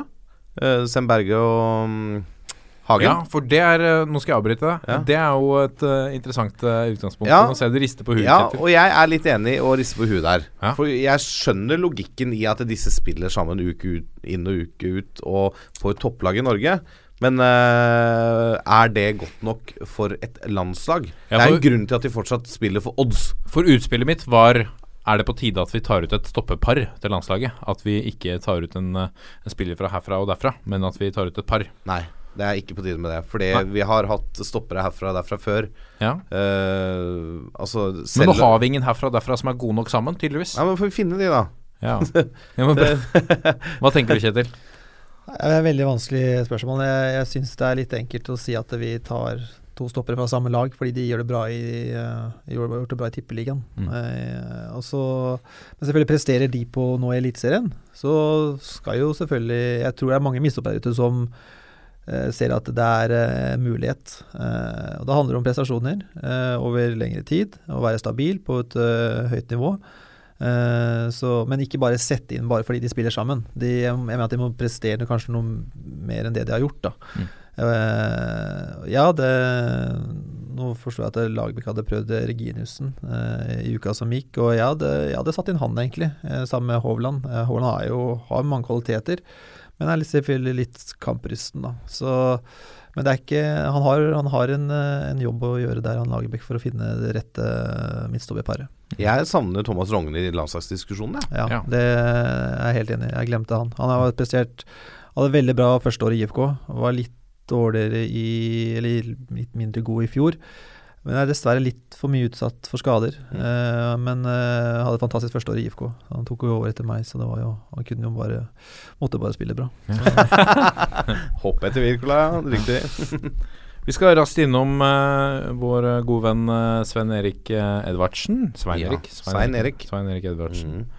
Um, som er ute, uh, utestengt. Eller ikke utestengt, men er ikke tatt ut til å dømme første eliteserierunde. Nei, det kom jo først en nyhet om at uh, som egentlig bare gikk på at uh, Fifa-dommer Edvardsen ikke tatt ut til å dømme serieåpninga. Mm. og så tenker du når du leser Eller i hvert fall jeg tenkte når jeg leste den saken Her må det ligge noe bak vet du, når de lager en sak på at den ikke er tatt ut. For det er jo flere enn åtte dommere. Så det er klart det blir noe rullering. Det mm. ser jo alle. Og så kommer jo dette litt opp til overflaten nå de siste dagene om at det er litt uh, dårlig kjemi mellom uh, Edvardsen og, uh, og dommersjef Terje Hauge. og at det, han ikke kommer til å dømme før den kjemien har blitt bedre, omtrent. da. Ja. Det er jo litt spesielt, men det er vel kanskje litt som et fotballag, det her. da. At Har du dårlig kjemi med treneren din, så er du ikke sikkert du spiller. Nei. Hva slags forhold har du, har du til Edvardsen, Kjetil?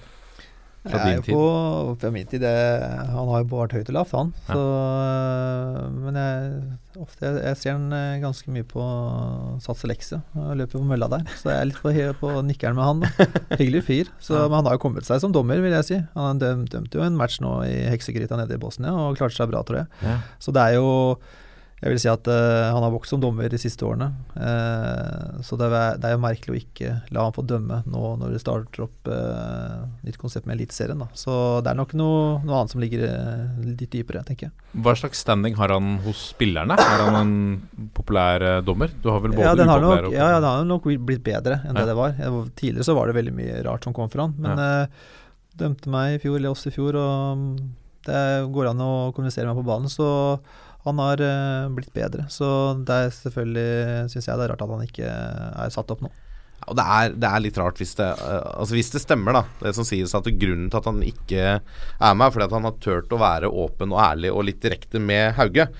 Nummer én er at han har mista sin mentor over 13 år, Rune Pedersen, uh, og fått egentlig bare vær så god, nå er Terje Hauge mentoren din, og det har han reagert på. Og så eh, sies det at det er noe med sammensetningen av dommerteamet hans som han ikke er helt fornøyd med, Ja. og som han har også vært åpen for, og det har ikke falt i veldig god eh, jord eh, på dommersjefkontoret. Eh, så det er klart, det, de må jo rydde opp i det her hvis det er så dårlig stemning mellom Edvardsen og Hauge. Eh, for altså, eh, vi har behov for de beste dommerne i Eliteserien hvis Eliteserien skal utvikle seg. Og ja, det har vært mye rart med Edvardsen opp gjennom åra, men han har blitt en mye, mye mye bedre dommer de siste åra. Og lagt av seg mye av dette tullet han holdt på med, med sånne rare avgjørelser og rødt kort for å skalle ved et uhell og sånn. Altså å gjøre mye sånne tullete varianter og være og så, ja, Han hadde noen varianter i fjor òg som sikkert er diskutable, men han er en av våre beste dommere i dag. Ja. Han er Fifa-dommer. Ja. Da må du få han på banen igjen, altså, for det, det kan ikke holde på sånn at de driver og at han blir eh, straffa fordi at han tør å si meninga si. Det er Såpass høyt under taket bør det være på Ullevål. Altså. Ja, Så byr han litt på seg selv, så vi trenger å ha Vi han liker det. tilbake. Vi liker det. Dette er toppfotball. Vi har eh, tippet eliteserietabell, Lasse. Ja, som seg hør og bør når det snart er dags for eliteseriestart. Ja, så er vi litt eh, uenige, men jeg har hentet inn tipset fra deg og Håvard, og levert inn mitt eget. Og så har vi funnet en slags gjennomsnittstabell, hvis det går an å si. Ja, det er greit å si. Vi er uenige, men eh, vi har kommet til enighet, kan vi si det? Nei, vi er enige om en del ting. Vi er Ja. vel ganske enige alle sammen om at uh, seriegullet skal vi, vi begynne på toppen, eller? Ja, skal vi begynne på toppen? Jobbe oss nedover. Og så Ja. får vi litt innspill fra Eurosports uh, utsendte ekspert eh, Kjetil Ja. Wæler. Det høres bra ut. Vi er vel alle enige om at Rosenborg tar seriegullet. Og det tror jeg vel ikke er så mye tvil om i år heller. Det skal jeg si dessverre? Ja, jeg sier det. Dessverre. Ja, litt mer spenning eh, kunne vi vel ønske oss kanskje, Kjetil? Eller? Ja, nei, det er, eh, det er som du sier, Rosenborg eh, Det er, det er Rosenborg, så er det Røkla. Og så er det, ja, det som skjer bak de, er spennende. Men Rosenborg ser sterke ut. Fått mange mm, solide spillere. Og jeg tror de ruster litt opp for Europacupen nå. Så det, jeg syns det er bra for norsk fotball at de gjør det, i alle fall. Eh, og så får man jo burde snakke om hvor jevn tippeligaen blir. da. Jo, jo, men det blir jo, det blir jo opp til de andre lagene å ruste opp, sånn at de klarer å ta igjen det forspranget. da Mm. Sånn at de kan i hvert fall utfordre det og gi det litt kamp. For det de, altså, sånn som det var i fjor, og som det ser ut til å bli i år, så er det ikke noe Det blir ikke noe spenning i Eliteserien sånn om gullet, da. Altså Jeg tror Eliteserien blir kjempegøy, men uh, gullet tror jeg er bare å Jeg tror den uh, konvolutten ligger frankert på Ullevål, for å si det sånn, med de diplomene.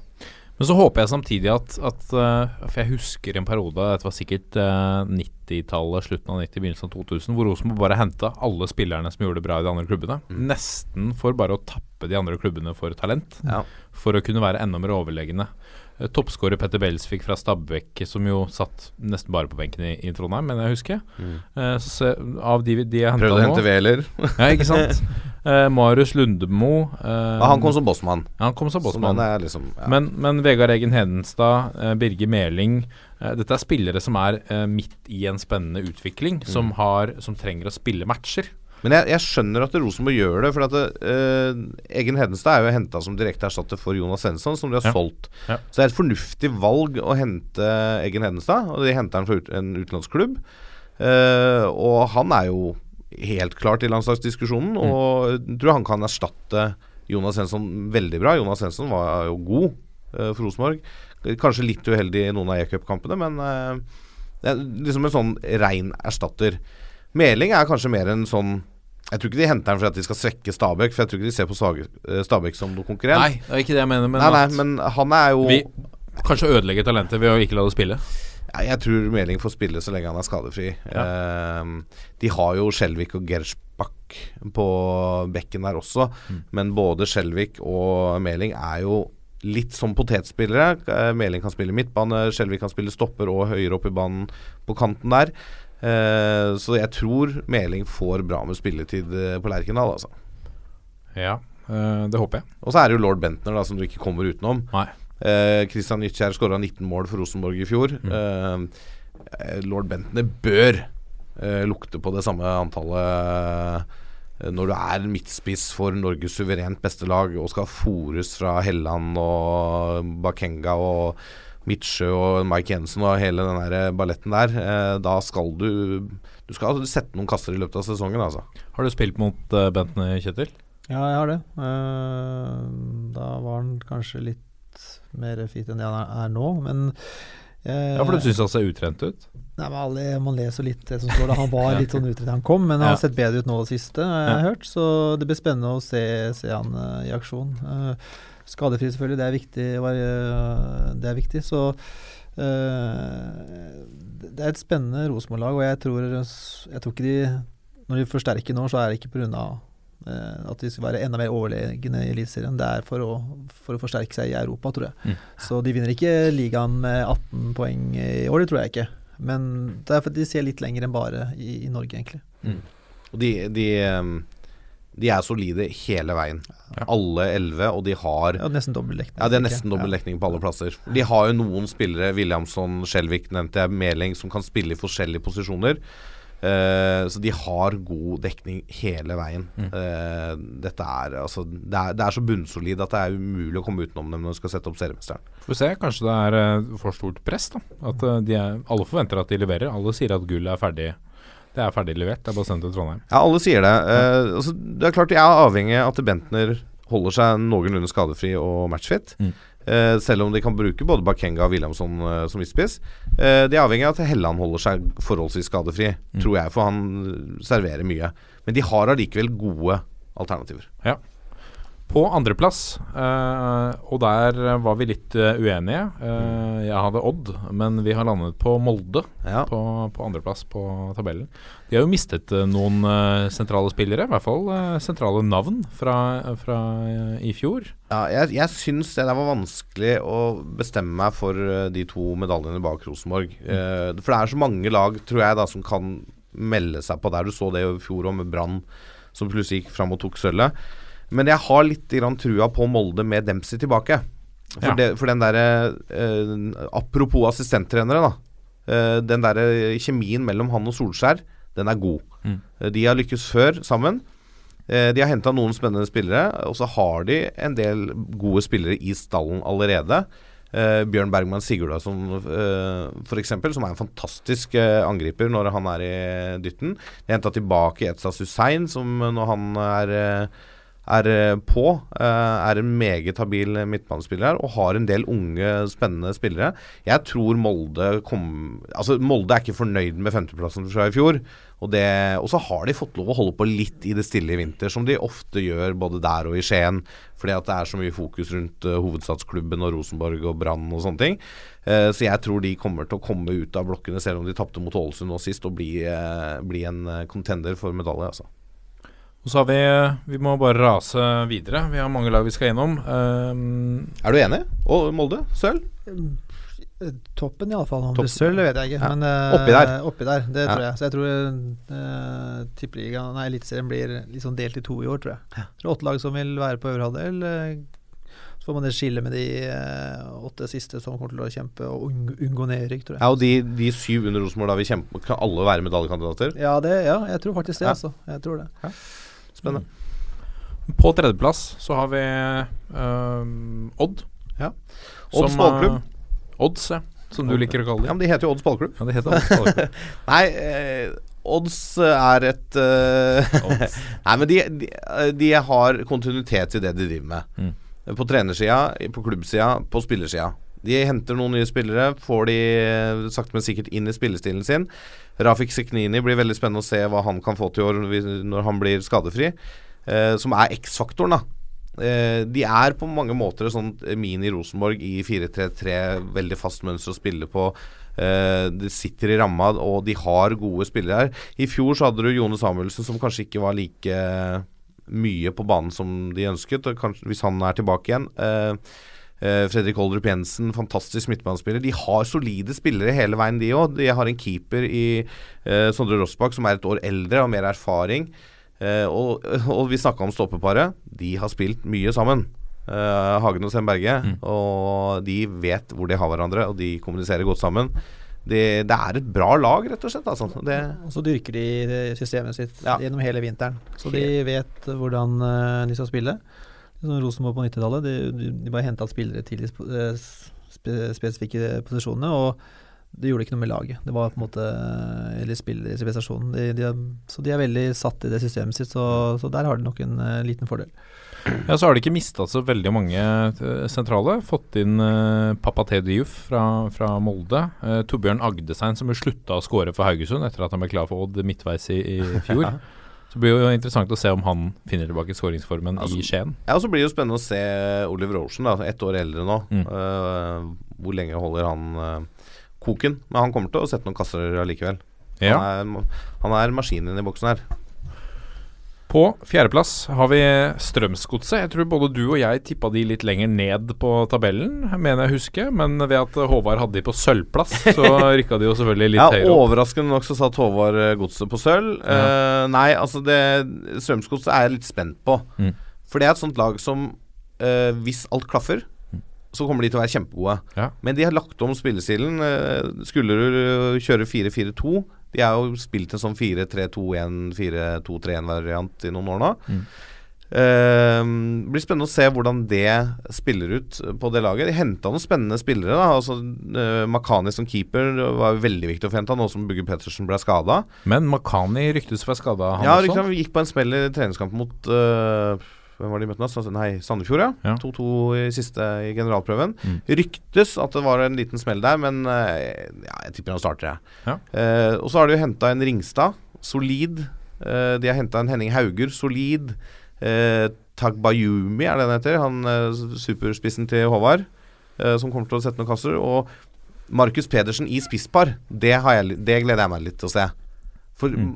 Markus Pedersen, er, når han er i dytten, så er han en bra spiller. Mm. Og de kommer til å skåre en del mål, ja, spesielt hjemme på gamle gress der. Så Pontus Engblom. Ja, ikke sant. Du har han i bakhånd. De har en sterk uh, spiss uh, Altså De er bra med konkurranse på spissplassen. Men så er det jo litt uh, det med forsvarsspillet igjen, da. Jeg syns det er flere lag som har kanskje størst utfordring når det gjelder forsvarsspillet. Så alle snakker om hvor gode de er fremover. og henta, altså Godset har henta en Henning Hauger, veldig bra stabilisator på midten.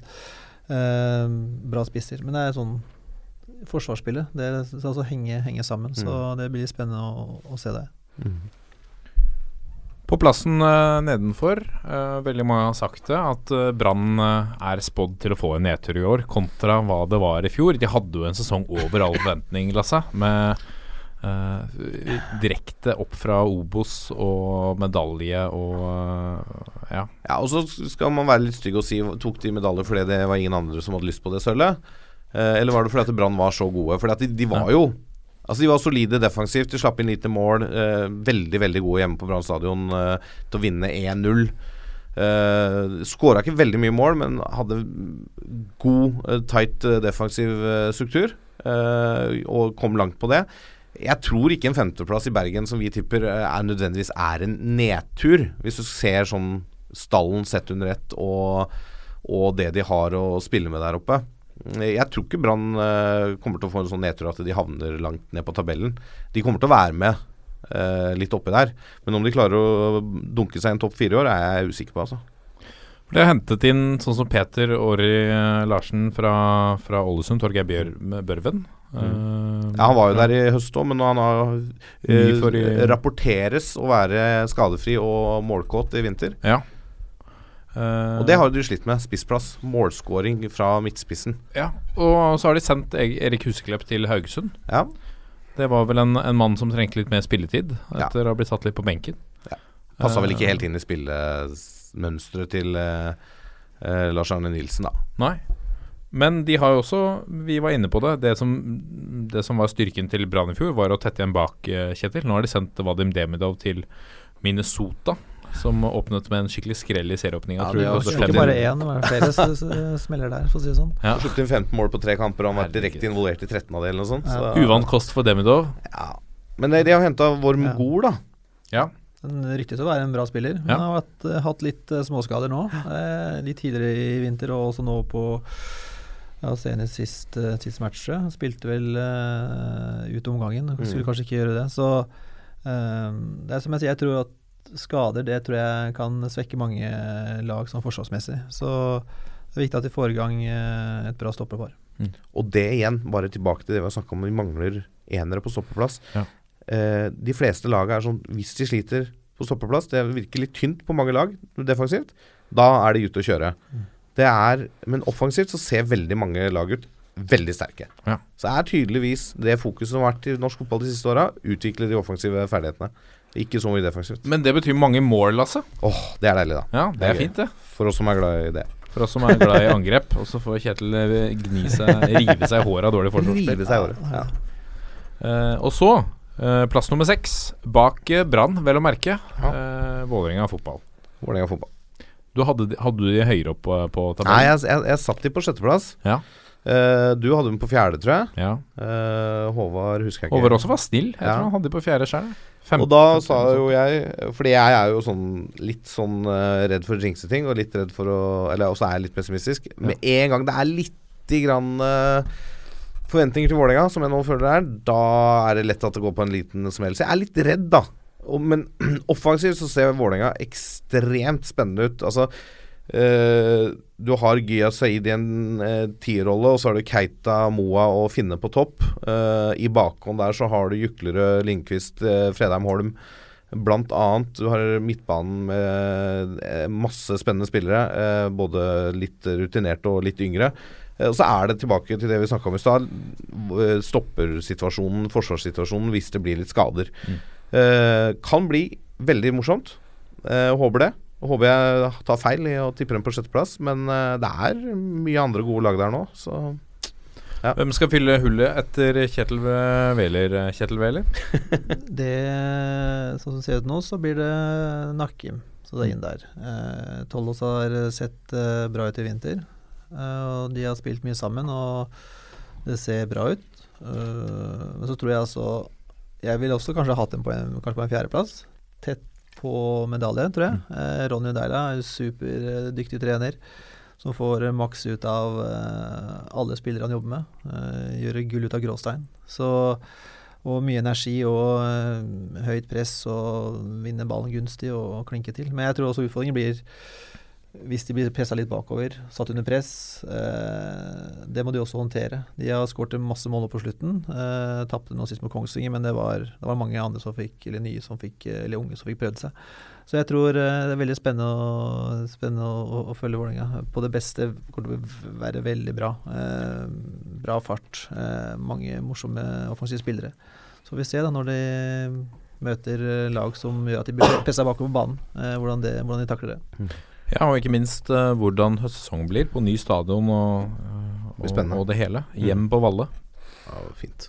Uh, på syvendeplass uh, har eh, vi satt Sarpsborg 08. Ja. Um, hva tenker vi om det, Lasse? Det er også et sånt lag som er litt usikker på hvor jeg har. Ja. Eh, de gjorde veldig mye bra i fjor. De gjør veldig mye bra på overgangsmarkedet. Eh, vi snakka jo med mm, eh, Ja, ikke sant? Han eh, Thomas Berntsen. Thomas Berntsen, ja. Mm. Jeg holdt på å si Tommy, men han er jo Vålerenga. Thomas Eh, Berntsen som sa at han skal se mest fotball av alle i Norge. Ja, og han ser mest fotball av alle i Norge. Ja. Eh, spesielt kanskje i Obos og nedover, for å hente de som går litt under radaren. Mm. Eh, de har vært flinke til å hente før, og jeg tror ikke de er noe mindre flinke til det nå.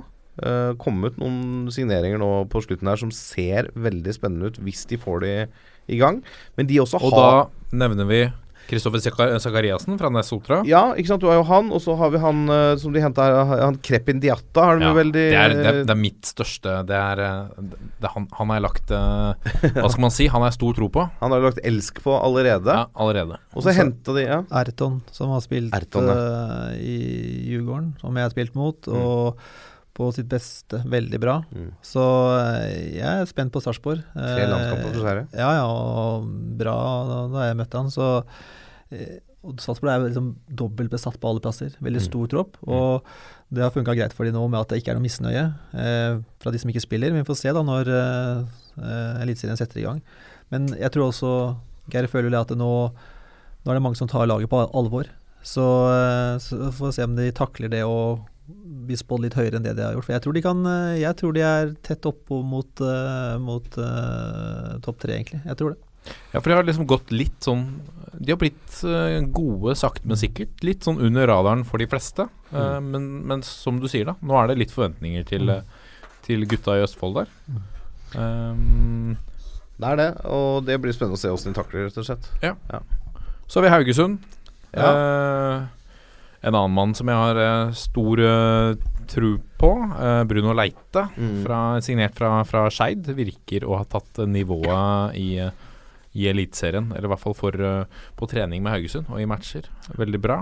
Jeg har trent med han, blant annet. Han var i Ja. Vålerenga i fjor og trente. Veldig bra. Sammen med han Bruno også, en, et stort talent. Så de Man skulle jo tro at de skulle ta turen til Vålerenga, egentlig. Ja, Sammen med Budusson, mener du? Nei, Bruno so Bruno Ja, Suárez. du tenker på Bruno Stemmer. Leite, du. Ja, jeg tenker på begge to, jeg. Ja, ikke sant? Begge Bruno. Bruno Leite og Jonny Ja. Budesson var på trening. Og en som heter Bruno Bruno Suárez Altså. han kom fra Kasakhstan. Han Ja, ja, vel ikke ha vært i Vålerenga? Han han har trent i Vålerenga før. Du husker jo prøvespillet, du. Ser du? Ja, men det var ikke morsomt, var det ikke noe, men han var god. okay. ja, ja, men det er Ja, så De to spillerne trodde jeg skulle være enig i Vålerenga. Ja, riktig. Så ja. eh, de eh, han Bruno, veldig bra spiller, midtbanespiller. Eh, Bruno Leito, sterk spiss. Så jeg eh, For meg blir det spennende å følge de to spillerne der, for jeg syns de skulle ha endt i Vålerenga. Ja, det, det jeg er litt grann spent på med Haugesund, er at de har mista William Trostekong. Ja, det er Som- kanskje den eh, Ja, den, den verste spilleren å miste. Ja, sånn enkeltspiller, eh, midtstopper i fjorårssesongen, uten forkleinelse for vår kjære gjest, Mm. så var vel han kanskje eh, Eliteseriens beste stopper i fjor. Ja. Han var en maskin, altså. Eh, og kaptein. Og det er spennende å se hvordan de fyller tomrommet etter han, for det tror jeg det blir. Det er vel kanskje derfor vi også satt de litt lenger ned enn de havna i fjor. eh, fordi han ikke er der. Uh, Så jeg kommer med et uh, artig lite tips. Ja. Eh, han får ikke spille i Gent nå, så til sommeren så henter Ronny Deiland til Vålerenga. Ja, det hadde vært fint. Da Ikke, ikke klipp ut det her, så ingen andre får Det er bare min magefølelse. Må arrestere meg selv. Jeg sa Ja. feil. Bruno Leite og Jonny. Ja, Budosson, ja. Det var det jeg mente. Ja. Ja, Det er greit. Beklager det. Men Ja, det nei, var det- Bruno var den ene. alltid. Ja, ja. Jonny Budusson putta 21 mål for Skeid Ja. eh, nå i fjor. Bra spiller. De har mista Agdestein, som skåra mål i vårsesongen. Ja. Eh, så Ja, nei, det Men fått inn Fredrik Gytkjær, lillebror. Lillebror Gytkjær kan bli spennende. eh, Vært bra i preseason. Og så har de fått en Husklepp, som vi vet kan levere mål og assist i Eliteserien. Så det blir spennende å se. På niendeplass eh, har vi Ålesund, av mange tippet litt lenger ned på tabellen. Eh, ifølge Bjørn eh, Helge Riise, som jeg snakka med på dette avsparkarrangementet til Eurosport, så har de veldig Han sier at vi har, vi har stålkontroll, vi. Mm. Han eh, Ikke ukjent en, en Riise, kanskje. eh, Med selvtillit. Med selvtillit. De var jo et av de beste laga i Eliteserien på slutten av sesongen i fjor. Ja. Eh, tar de med seg det, så blir det jo en nøtt å knekke. De slo Molde 5-0 i, eh, i en treningskampen Ja, sist. så er det dette med generalprøver og Ja, men 5-0 ja, 5-1. Var det 5-1? 5-1. Ja, okay. Så vi fikk ja, en i sekken der. Dårlig selvtillit av det. Nei da. Men eh, jeg, jeg tror eh, Ålesund eh, kommer til å gjøre det bedre enn uh, en nedrykksstrid. Ja. Det tror jeg. De har forholdsvis solid eh, lag. De har mista Petter Jåre Larsen, ja. De har mista um, Wormgård. Men de har eh, Ja, jeg, jeg, jeg tror de eh, får ting til å røre på seg der oppe. Henta inn Valmir Berisha, Mm. som uh, av enkelte eksperter har blitt uh, Den signeringen har blitt slakta tilnærmet. Ja. Eh, og man mistenker at de har bare signert et navn. Eh, jeg hørte fra Trond Fredriksen og Bjørn Helge Riis at det er, en, det er en fyr som ikke har fått det helt til å funke så langt. Vært litt utenlands i Roma og vært ungdomslandslagsspiller. eh, mens nå trenger en trygghet og et eh, miljø rundt seg for å få det til å funke. Så han tror jeg faktisk blir litt spennende å følge. Valmi Berisha. Um, vi raser videre til Tromsø, på plass uh, nummer ti på tabellen. Tror du de er skuffa i Tromsø for at vi tipper de så langt ned? Nei. Det tror ikke nei, rett, Det er- men altså, nå, nå føler jeg vi er i den delen av tabellen hvor det er litt å trille terning på hvem som havner hvor. Ja. For her er det Altså får du en rekke med kamper her hvor du har gode resultater, fem-seks kamper, så kommer du deg ut av nedrykkssiden.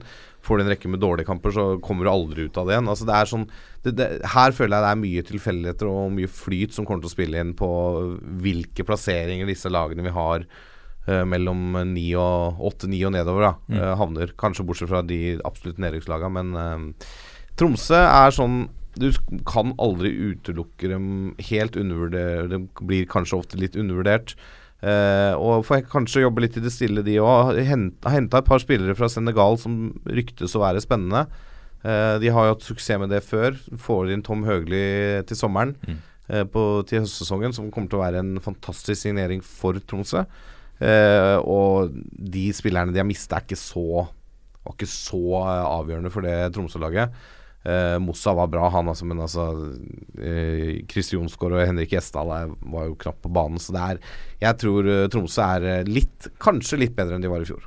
Bare se for deg disse to gutta som signerer for Altså de, de, de skal bli utenlandsproffer fra Senegal, spiller lokalt Senegal, og så kommer de Proffeventyret starter I Tromsø i, i januar. Tromsø i minus 15 grader. Minus 15 grader og mørketid. Det er så lite sola. eksotisk Men over det. Men tenk deg når det blir varmt eh, og banene er grønne. Det kommer til å herje. Ja, Ja, ja. Da har vi fotballferie. Ikke sant? Så da Da spiller vi ikke fotball. Det er alltid spennende Det er en helt annen diskusjon. afrikanske spillere som kommer. Jeg Ja. synes det, altså.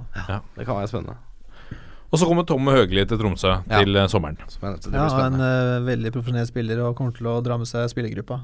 Så uh, får håpe at de, eh, de har stabilisert seg sånn midt på tabellen, altså ikke han, det blir et slit for han. Og det ryktes at uh, Morten Gams Pedersen er i godt driv. Oh, ja. Holder seg skadefri og er uh, en viktig mann. Han var jo viktig på slutten av sesongen i fjor òg, da de eh, redda seg. Så um, får de i gang uh, Gamsten, så blir det bra. Ja. Rutine.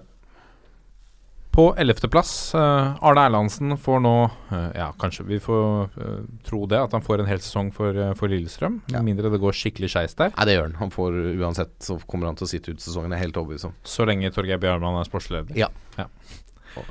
Og det er han jo. De har henta en, en ganske Et lass med spillere? Et lass med spillere. Ja. Det er mye som har kommet inn her. Det ryktes jo at Thomas Malek ble jo signert i fjor med tanke på at Erlandsen skulle inn. ja, ikke sant. Uh, Systemet Systemet som han uh, henter spillere til. Det blir med lange baller og dødballer og kriging og sånne ting. Så det blir god gamle Lillestrøm. Vond å møte på Åråsen, tror jeg. Ja. med Erlandsen tilbake, god gamle Lillestrøm. Ja. Tøft. De, de kommer til å klare seg. Mm. Og det er Det er jo synd, da, for Lillestrøm skal jo være en eh, klubb som vi burde sette opp på topp fire. Mm. Eh, topp fem. Eh, men akkurat nå så er det sånn på Åråsen og i Lillestrøm at de er fornøyd så lenge de holder plass. Det er målsetningen. Det er, det er så langt de strekker seg. De skal holde seg i Eliteserien. Ja. For da kan de si at nå har vi 43 eller 44 sesonger på rad. Det er det eneste som betyr noe. Det er liksom ikke noen ambisjoner utover det. Det er jævlig synd, for det, er, det skal være en toppklubb. Det skal være et eh, lag du skal regne med. De kommer til å bli vonde å møte i år, men jeg tror ikke de kommer til å komme veldig høyt på tabellen. Men det er et ypperlig utgangspunkt for å over, Altså for å Overraske. overraske. Ja, ja, og de har henta mye spillere fra sånn andre nivå og Obos og litt sånn eh, som ikke har lykkes helt før, men som Kjetil sier, i posisjon til system. Ja. Simen Raffen fra etter mislykka opphold i eh, Gefle. Mm. Mats Håkenstad fra, fra Larvik, direkte fra andredivisjon, som ser ut til å kapre en plass på bekken fra, fra sesongstart. Fyrtårnet Stefan Antonjevic fra Tamper Bay Rowdies. Ja. Og Litt Chigose Udoji, som har spilt i, i eh, Kina, skåra nå i eh, Og nå husker jeg ikke hvem de møtte i, i preseason, Nei, men han putta i første match. Og så har du jo Bariam Ayeti, da, som kom fra Bryne, som har skåra en del i vinter. Ja. Og er en ganske kompakt uh, liten hissigpropp uh, på topp der. Mm. Uh, som helt sikkert skal beine i på noen stusser. Mm. Så det På plassen bak eh, Lillestrøm, uh, Ian Butchells uh, Viking, som uh, Det var jo et, veldig trøblete år for Viking i fjor. Uh, mye rot eh, med økonomi. Eh, det er litt sånn må bygge fra nytt der, kanskje. Eh, Kjell Jonevre ut, dro til eh, Sør-Afrika. Eh, Ian Butchell inn. Henta et par eh, Han endte vel opp med å hente Ja, han skulle ha så det England for en stopper. Landa på Michael Ledger.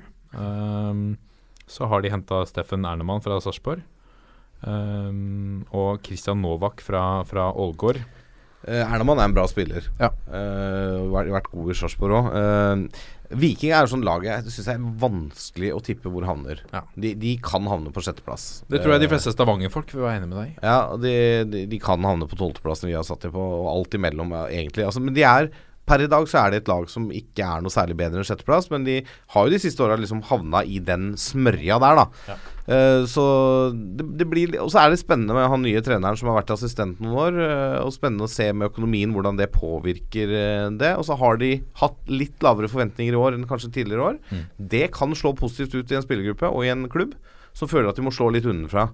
Uh, skal ikke utelukke at vi bomber grovt med å plassere Viking på tolvteplass, altså. Men eh, nå har vi nå en gang gjort det, og da får vi stå for det. Så Jeg tror at eh, litt rot der kan eh, sørge for eh, sørge for at det går utover spillet Ja, ja. på banen. Det har jo du litt erfaring med, Kjetil. Ja, samtidig så, som du sier, økonomien, da. De må sikkert sen, eh, selge noen spillere til sommeren, og da kan det også være deres bane, at det, det blir svekket i, eh, i laget der. Så det blir spennende å følge. Veldig vanskelig å, å spå egentlig hvor de kommer til å ende. Det er flere som sier at Samuel Adegbenro blir eh, en av de virkelig store profilene i årets eliteserie. Så Det blir solgt i sommeren, da. Så Ja, får se Ikke sant. Så har vi på 13.-plass, uh, som vi spår akkurat klarer seg unna eh, kvalifisering, eh, Sogndal. Eirik Bakke, som har fått eh, litt reisen på ting der oppe. Solid Det kan vel også Men det, de kan havne lavere, det er jo ikke umulig. Ja, de kan det. Men det er, så- det er igjen da solid rammeverk eh, i spillestil. Mm. Eh, opptatt av å mure igjen litt eh, bakover. Slapp inn lite mål i fjor. Og så har de noen sånne X-faktor-spillere som Komson, da, som ble assist-konge i Eliteserien i fjor. Eh, det er, det er, det er sånn, også sånn vanskelig lag å spå, syns jeg. For at det, eh, får de litt grann, eh, dytten der i noen kamper, så sniker de seg oppover. Eh, men så har de vel kanskje en såpass tynn stall, da, Mm. eh, bortsett fra de 12-13-14 beste, at eh, de er veldig utsatt for skader og karantener. Ja, jeg snakka med Dyngeland, Mm. keeper Dyngeland på Sogndal. Han skrøyt veldig av Eirik Bakke og den standingen han har i den spillergruppa. Og var jo der også i klubben litt før han tok over som trener. eh, og har virkelig lykkes med å få denne gruppa til å jobbe sammen. Mm, mm. Eh, så da han, de snakka om et utrolig sterkt sånn kollektiv i, i eh, Sogndal. Det tror jeg er viktig. Ja, det tror jeg er veldig viktig. Og er, jeg føler det er det som i en nedrykkskamp, eller i en tittelkamp Det er litt sånn for de lagene som er midt på tabellen, så er det eh, Altså det er, en, det er en sesong uten dramatikk Mm. den ene eller andre veien. Men det kollektivet tror jeg har vanvittig mye å si om du kjemper i bunn eller topp. Men så har du da ikke sant, Sogndal, bitte lille bygda der på Vestlandet, 5000 innbyggere. Ja. Uh, og de det Ja, det var visst litt flere. Jeg, jeg prøvde meg på 5000, det var Ja, visst ok. flere som bodde der. Okay, ok, litt flere, da. Men uansett, det er jo nesten tre til fem på match. Ja, ikke sant. Ja. Men det er jo nesten uh, mot all fornuft at de skal være i Eliteserien. Ja. Så klarer de en 13.-plass, så er det fantastisk. Altså, de klarer seg gang etter gang og uh, klorer seg fast altså, i, i toppen av norsk fotball. Og så har de en ny Flo, vet du. Ja, De har Fred- Fredrik Flo Fredrik Flo. på topp. Spennende. Han er billig på Det Fantasy. er alltid en Flo. Det kommer en ny en nå. Kommer en ny en. Ja, det er bra. Og så på kvalik, eh, Stabæk. Ja. Hva tenker du? Jeg tenker at uh, Stabæk med kvalik ett år til Ja. uh, skal de være ganske fornøyd med. Ja. Uh, for jeg ser et lag og en klubb som sliter veldig om dagen. Eh, og de har ikke noen sånne derre enerspillere. Altså, de, de, de, altså OI på topp ikke, har liksom ikke levert superbra på toppnivå. Uh, de har henta en Håkon Skogseid, uh, som er en bra, eh, erfaren eh, forsterkning i, i eh, forsvaret. De har en bra keeper i Sayoba. Mm. Eh, du må aldri glemme Morten Skjønsberg, som er liksom mister Stabæk eh, på mange måter. Men de har mista Meling. Det, det tror jeg de kommer til å lide under, for han var god og viktig eh, for det laget, laget i fjor. Så jeg, jeg tror Stabæk dessverre for Stabæk får en ny eh, ny tøff sesong, rett og slett. Mm. Så har de henta han der toppskåreren fra Asker, da, som André Muri snakka om. Sindre Maurits Andersen. Ja. Unnskyld. Og Tortol eh, Lomanza fra Vasland eh, Bevern. Ja, Tony Brochmann fra Jerv, som har prestert uh, sånn greit i norsk fotball over flere år. Mm. Frank Boli er skada fram til sommeren. Henta han skada fra Ålesund, men har- får du han på beina, så kommer han til å være bra. Jeg husker Morten Skjønsberg, apropos prøvespillet som vi snakka om. Morten Skjønsberg eh, satt jo igjen med det inntrykket at eh, når det er uh, offseason i Stabæk, så er det, bare å, er det bare å komme på Nadderud og ta på seg fotballsko. Hvem som helst får lov å prøvespille. Ja, det er jo Ja, det blir jo spennende. Nå har de plukka ut en gjeng, i hvert fall. Nå har de plukka ut en gjeng. Ja. Nei, det blir spennende å se, men jeg tror Stabæk kommer til å få en tung sesong også i 17. Ja. Kristiansund. uh, nykommeren. Uh, vi har spådd at de får det tøft. Vi har tippa de nest sist. Um, Henta Benjamin Stokke fra Levanger. Mm -hmm. uh, Levanger som gjorde det sterkt i, i Obos uh, i fjor. Um, og Henrik uh, Gjesdal, eh, en, en god mann fra, fra Tromsø. Egentlig en bergensgutt, vel? Ja, det er, ja, det er det kanskje. Man kommer fra Tromsø. Ja, man var Spilt der. før det. Mm. Ja. ehm, nei, hva skal vi si om, om, eh, om Kristiansund? Det, vi gleder oss i hvert fall til første serierunde hvor de møter Molde. Ja, det er jo alltid spennende det, med sånne lokaloppgjør. Ja. Eh, Det er kjempegøy, og det er Solskjærs gamle klubb, eller gamle by, er det Ja. vel i hvert fall, var Og Klausen. Solskjærs gamle trener. eh, Ja, ikke minst. Ole. Nå har jeg glemt hva han heter. Ole Olsen. Ole Olsen, ja. Nei, så det, altså Kristiansund er jo Det er jo veldig lett da å sette opprykkslaga rett på nedrykk igjen. Mm. Uh, og det skjer jo sjelden at begge to rykker rett ned igjen. Eh, Kristiansund er de to av opprykkslagene jeg har mest trua på i årets sesong. Jeg satte på kvalik. Ja. Uh, jeg tror de kan overraske litt. Uh, jeg tror Kristiansund fort kan være litt kilende å møte, spesielt på bortebane. Ja. Har noen spennende, spennende spillere som rører rundt der. Du har Kammer Kaka, som var ung juniorspiller i Vålerenga og, og spådde en lysende karriere. Som fikk litt sving på saken i fjor og ble kåra til årets spiller i Obos-ligaen, så vidt jeg husker. Spennende å se han nå på toppnivå, hva han får til. Han har blitt en eldre ung mann, eh, kanskje blitt eh, litt mer eh, voksen. Hva, tenk, hva tenker du om uh, Kamer Kaka i, i Kristiansund, Kjetil? Han har lagt, lagt lista for seg selv, i alle fall. Han har gått ut og sagt at han skal herje med de fleste. Så det blir spennende å, å, å se han. Uh, Hva slags spiller er han, for de som ikke har sett han i action? Kamer? Lasse, du har vel sett mer til han det, det ja. jeg har gjort? Han var jo i hvert fall, sånn jeg husker han fra de yngre dager, så var han jo en sånn fotrapp liten tekniker. Mm. eh, som hadde fint finterepertoar og kunne dra av med, en, eh, med ballen i beina.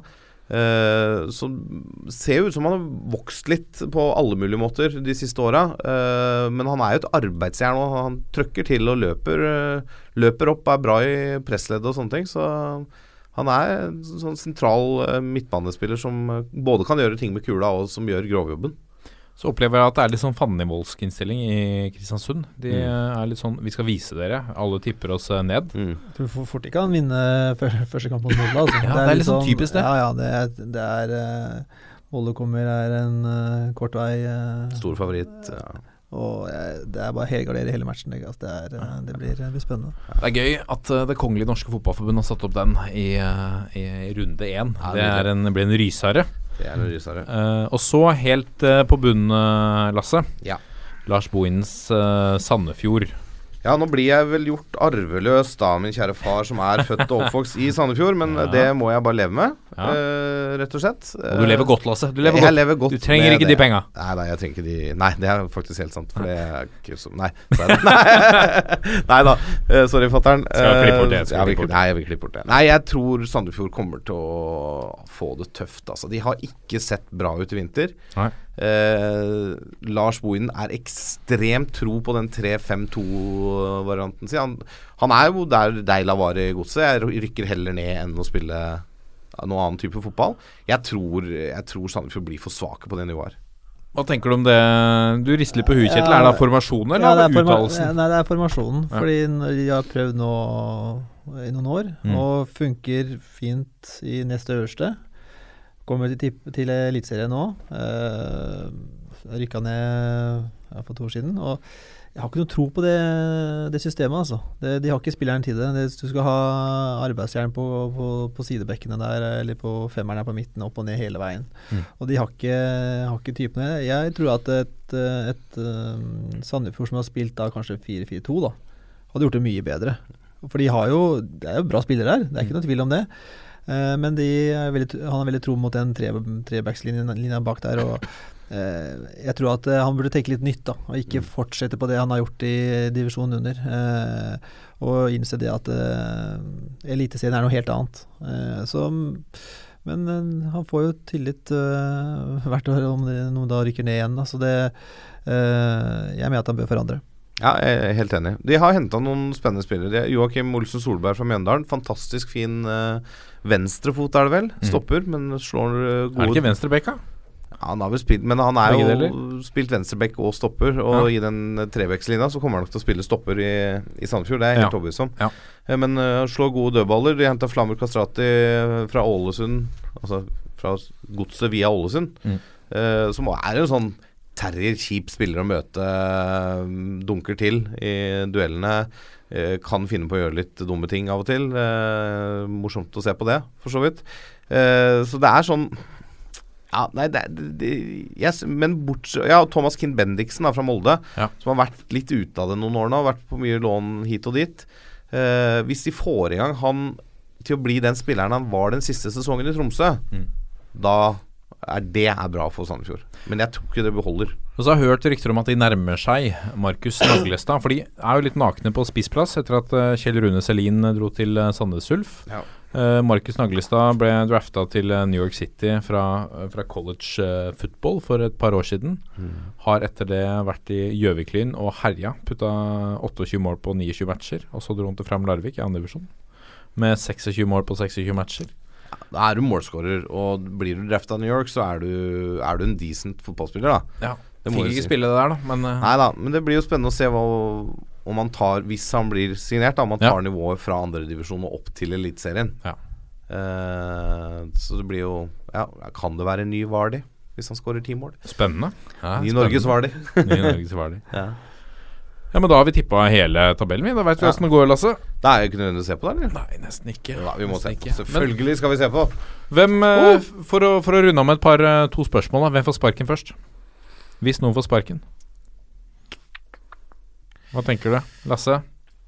Eh, Jeg hadde eh, tenkt å si hvis Ålesund får det tøft, så får Trond Fredriksen sparket, men der sparker jo assistenten, så det, det skjer jo ikke. Ja, det sant. Eh, nei, jeg tror eh, Ja, det er vanskelig å si. Jeg tror enten um, han uh, Flovik i Tromsø, Mm. hvis de får det litt tøft, uh, kan ryke, eller Ordinas i Stabæk.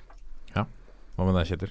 Jeg tror alle de uh, etablerte lagene her, om de får problemer i starten, så er jo alle, alle trenere på kan det bli sparka, potensielt, for å si det sånn. Så, eh, men jeg er også litt sånn i Tromsø, hvis de får nok en, eh, en, en dårlig sesong. Ålesund Ålesund også. Uh, så um, eh, Lars Bohin får sitte uansett. Mm. Ja, men det, og det gjør Deila Ingebrigtsen og, og Solskjær òg. Ja, ja. Hvis uh, Ja, Rosenborg ligger på du. tiende til sommeren Ja, da kan, ryker vel ryker Ingebrigtsen. men, han, de, ja. ligger- men det gjør de de ikke. ikke på tiende.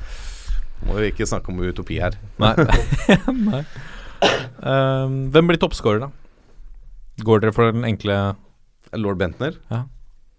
Uh, altså Det er veldig lett å si. Altså Han bør han, Altså Hvem Han bør. bør. bli toppskårer? Ja. Niklas Bentner. Ja. Det det. Hvem, hvem, hvem tror du? Jeg tror Niklas Bentner. Hva med deg, Kjetil? Jeg tror uh, Moa, om han holder seg skadefri. Oh. Det var gøy. Det er spennende. Hans bror er spennende. Mosse. Jeg syns uh, Børven er spennende. Mm. Det er mange som Mm. Jeg tror kanskje Bentner blir en spiller som på et oppstillspunkt legger ned. Mye assist. Mm. Men om han blir toppskårer, det vet jeg ikke. Det spørs om jeg gidder ha han på Fantasy. Jeg er litt Han usikker. er dyr, altså. Men Det er, noen som, det er noen som hevder at vi også kunne spilt spiss på Rosenborg, altså, og, og blitt toppskårere fordi at du får så mye sjanser. Ja, ikke sant. Så, Bare være der. uh, Bare være i posisjon. Det Ja, spørs da. Han bare ler ved siden her nå.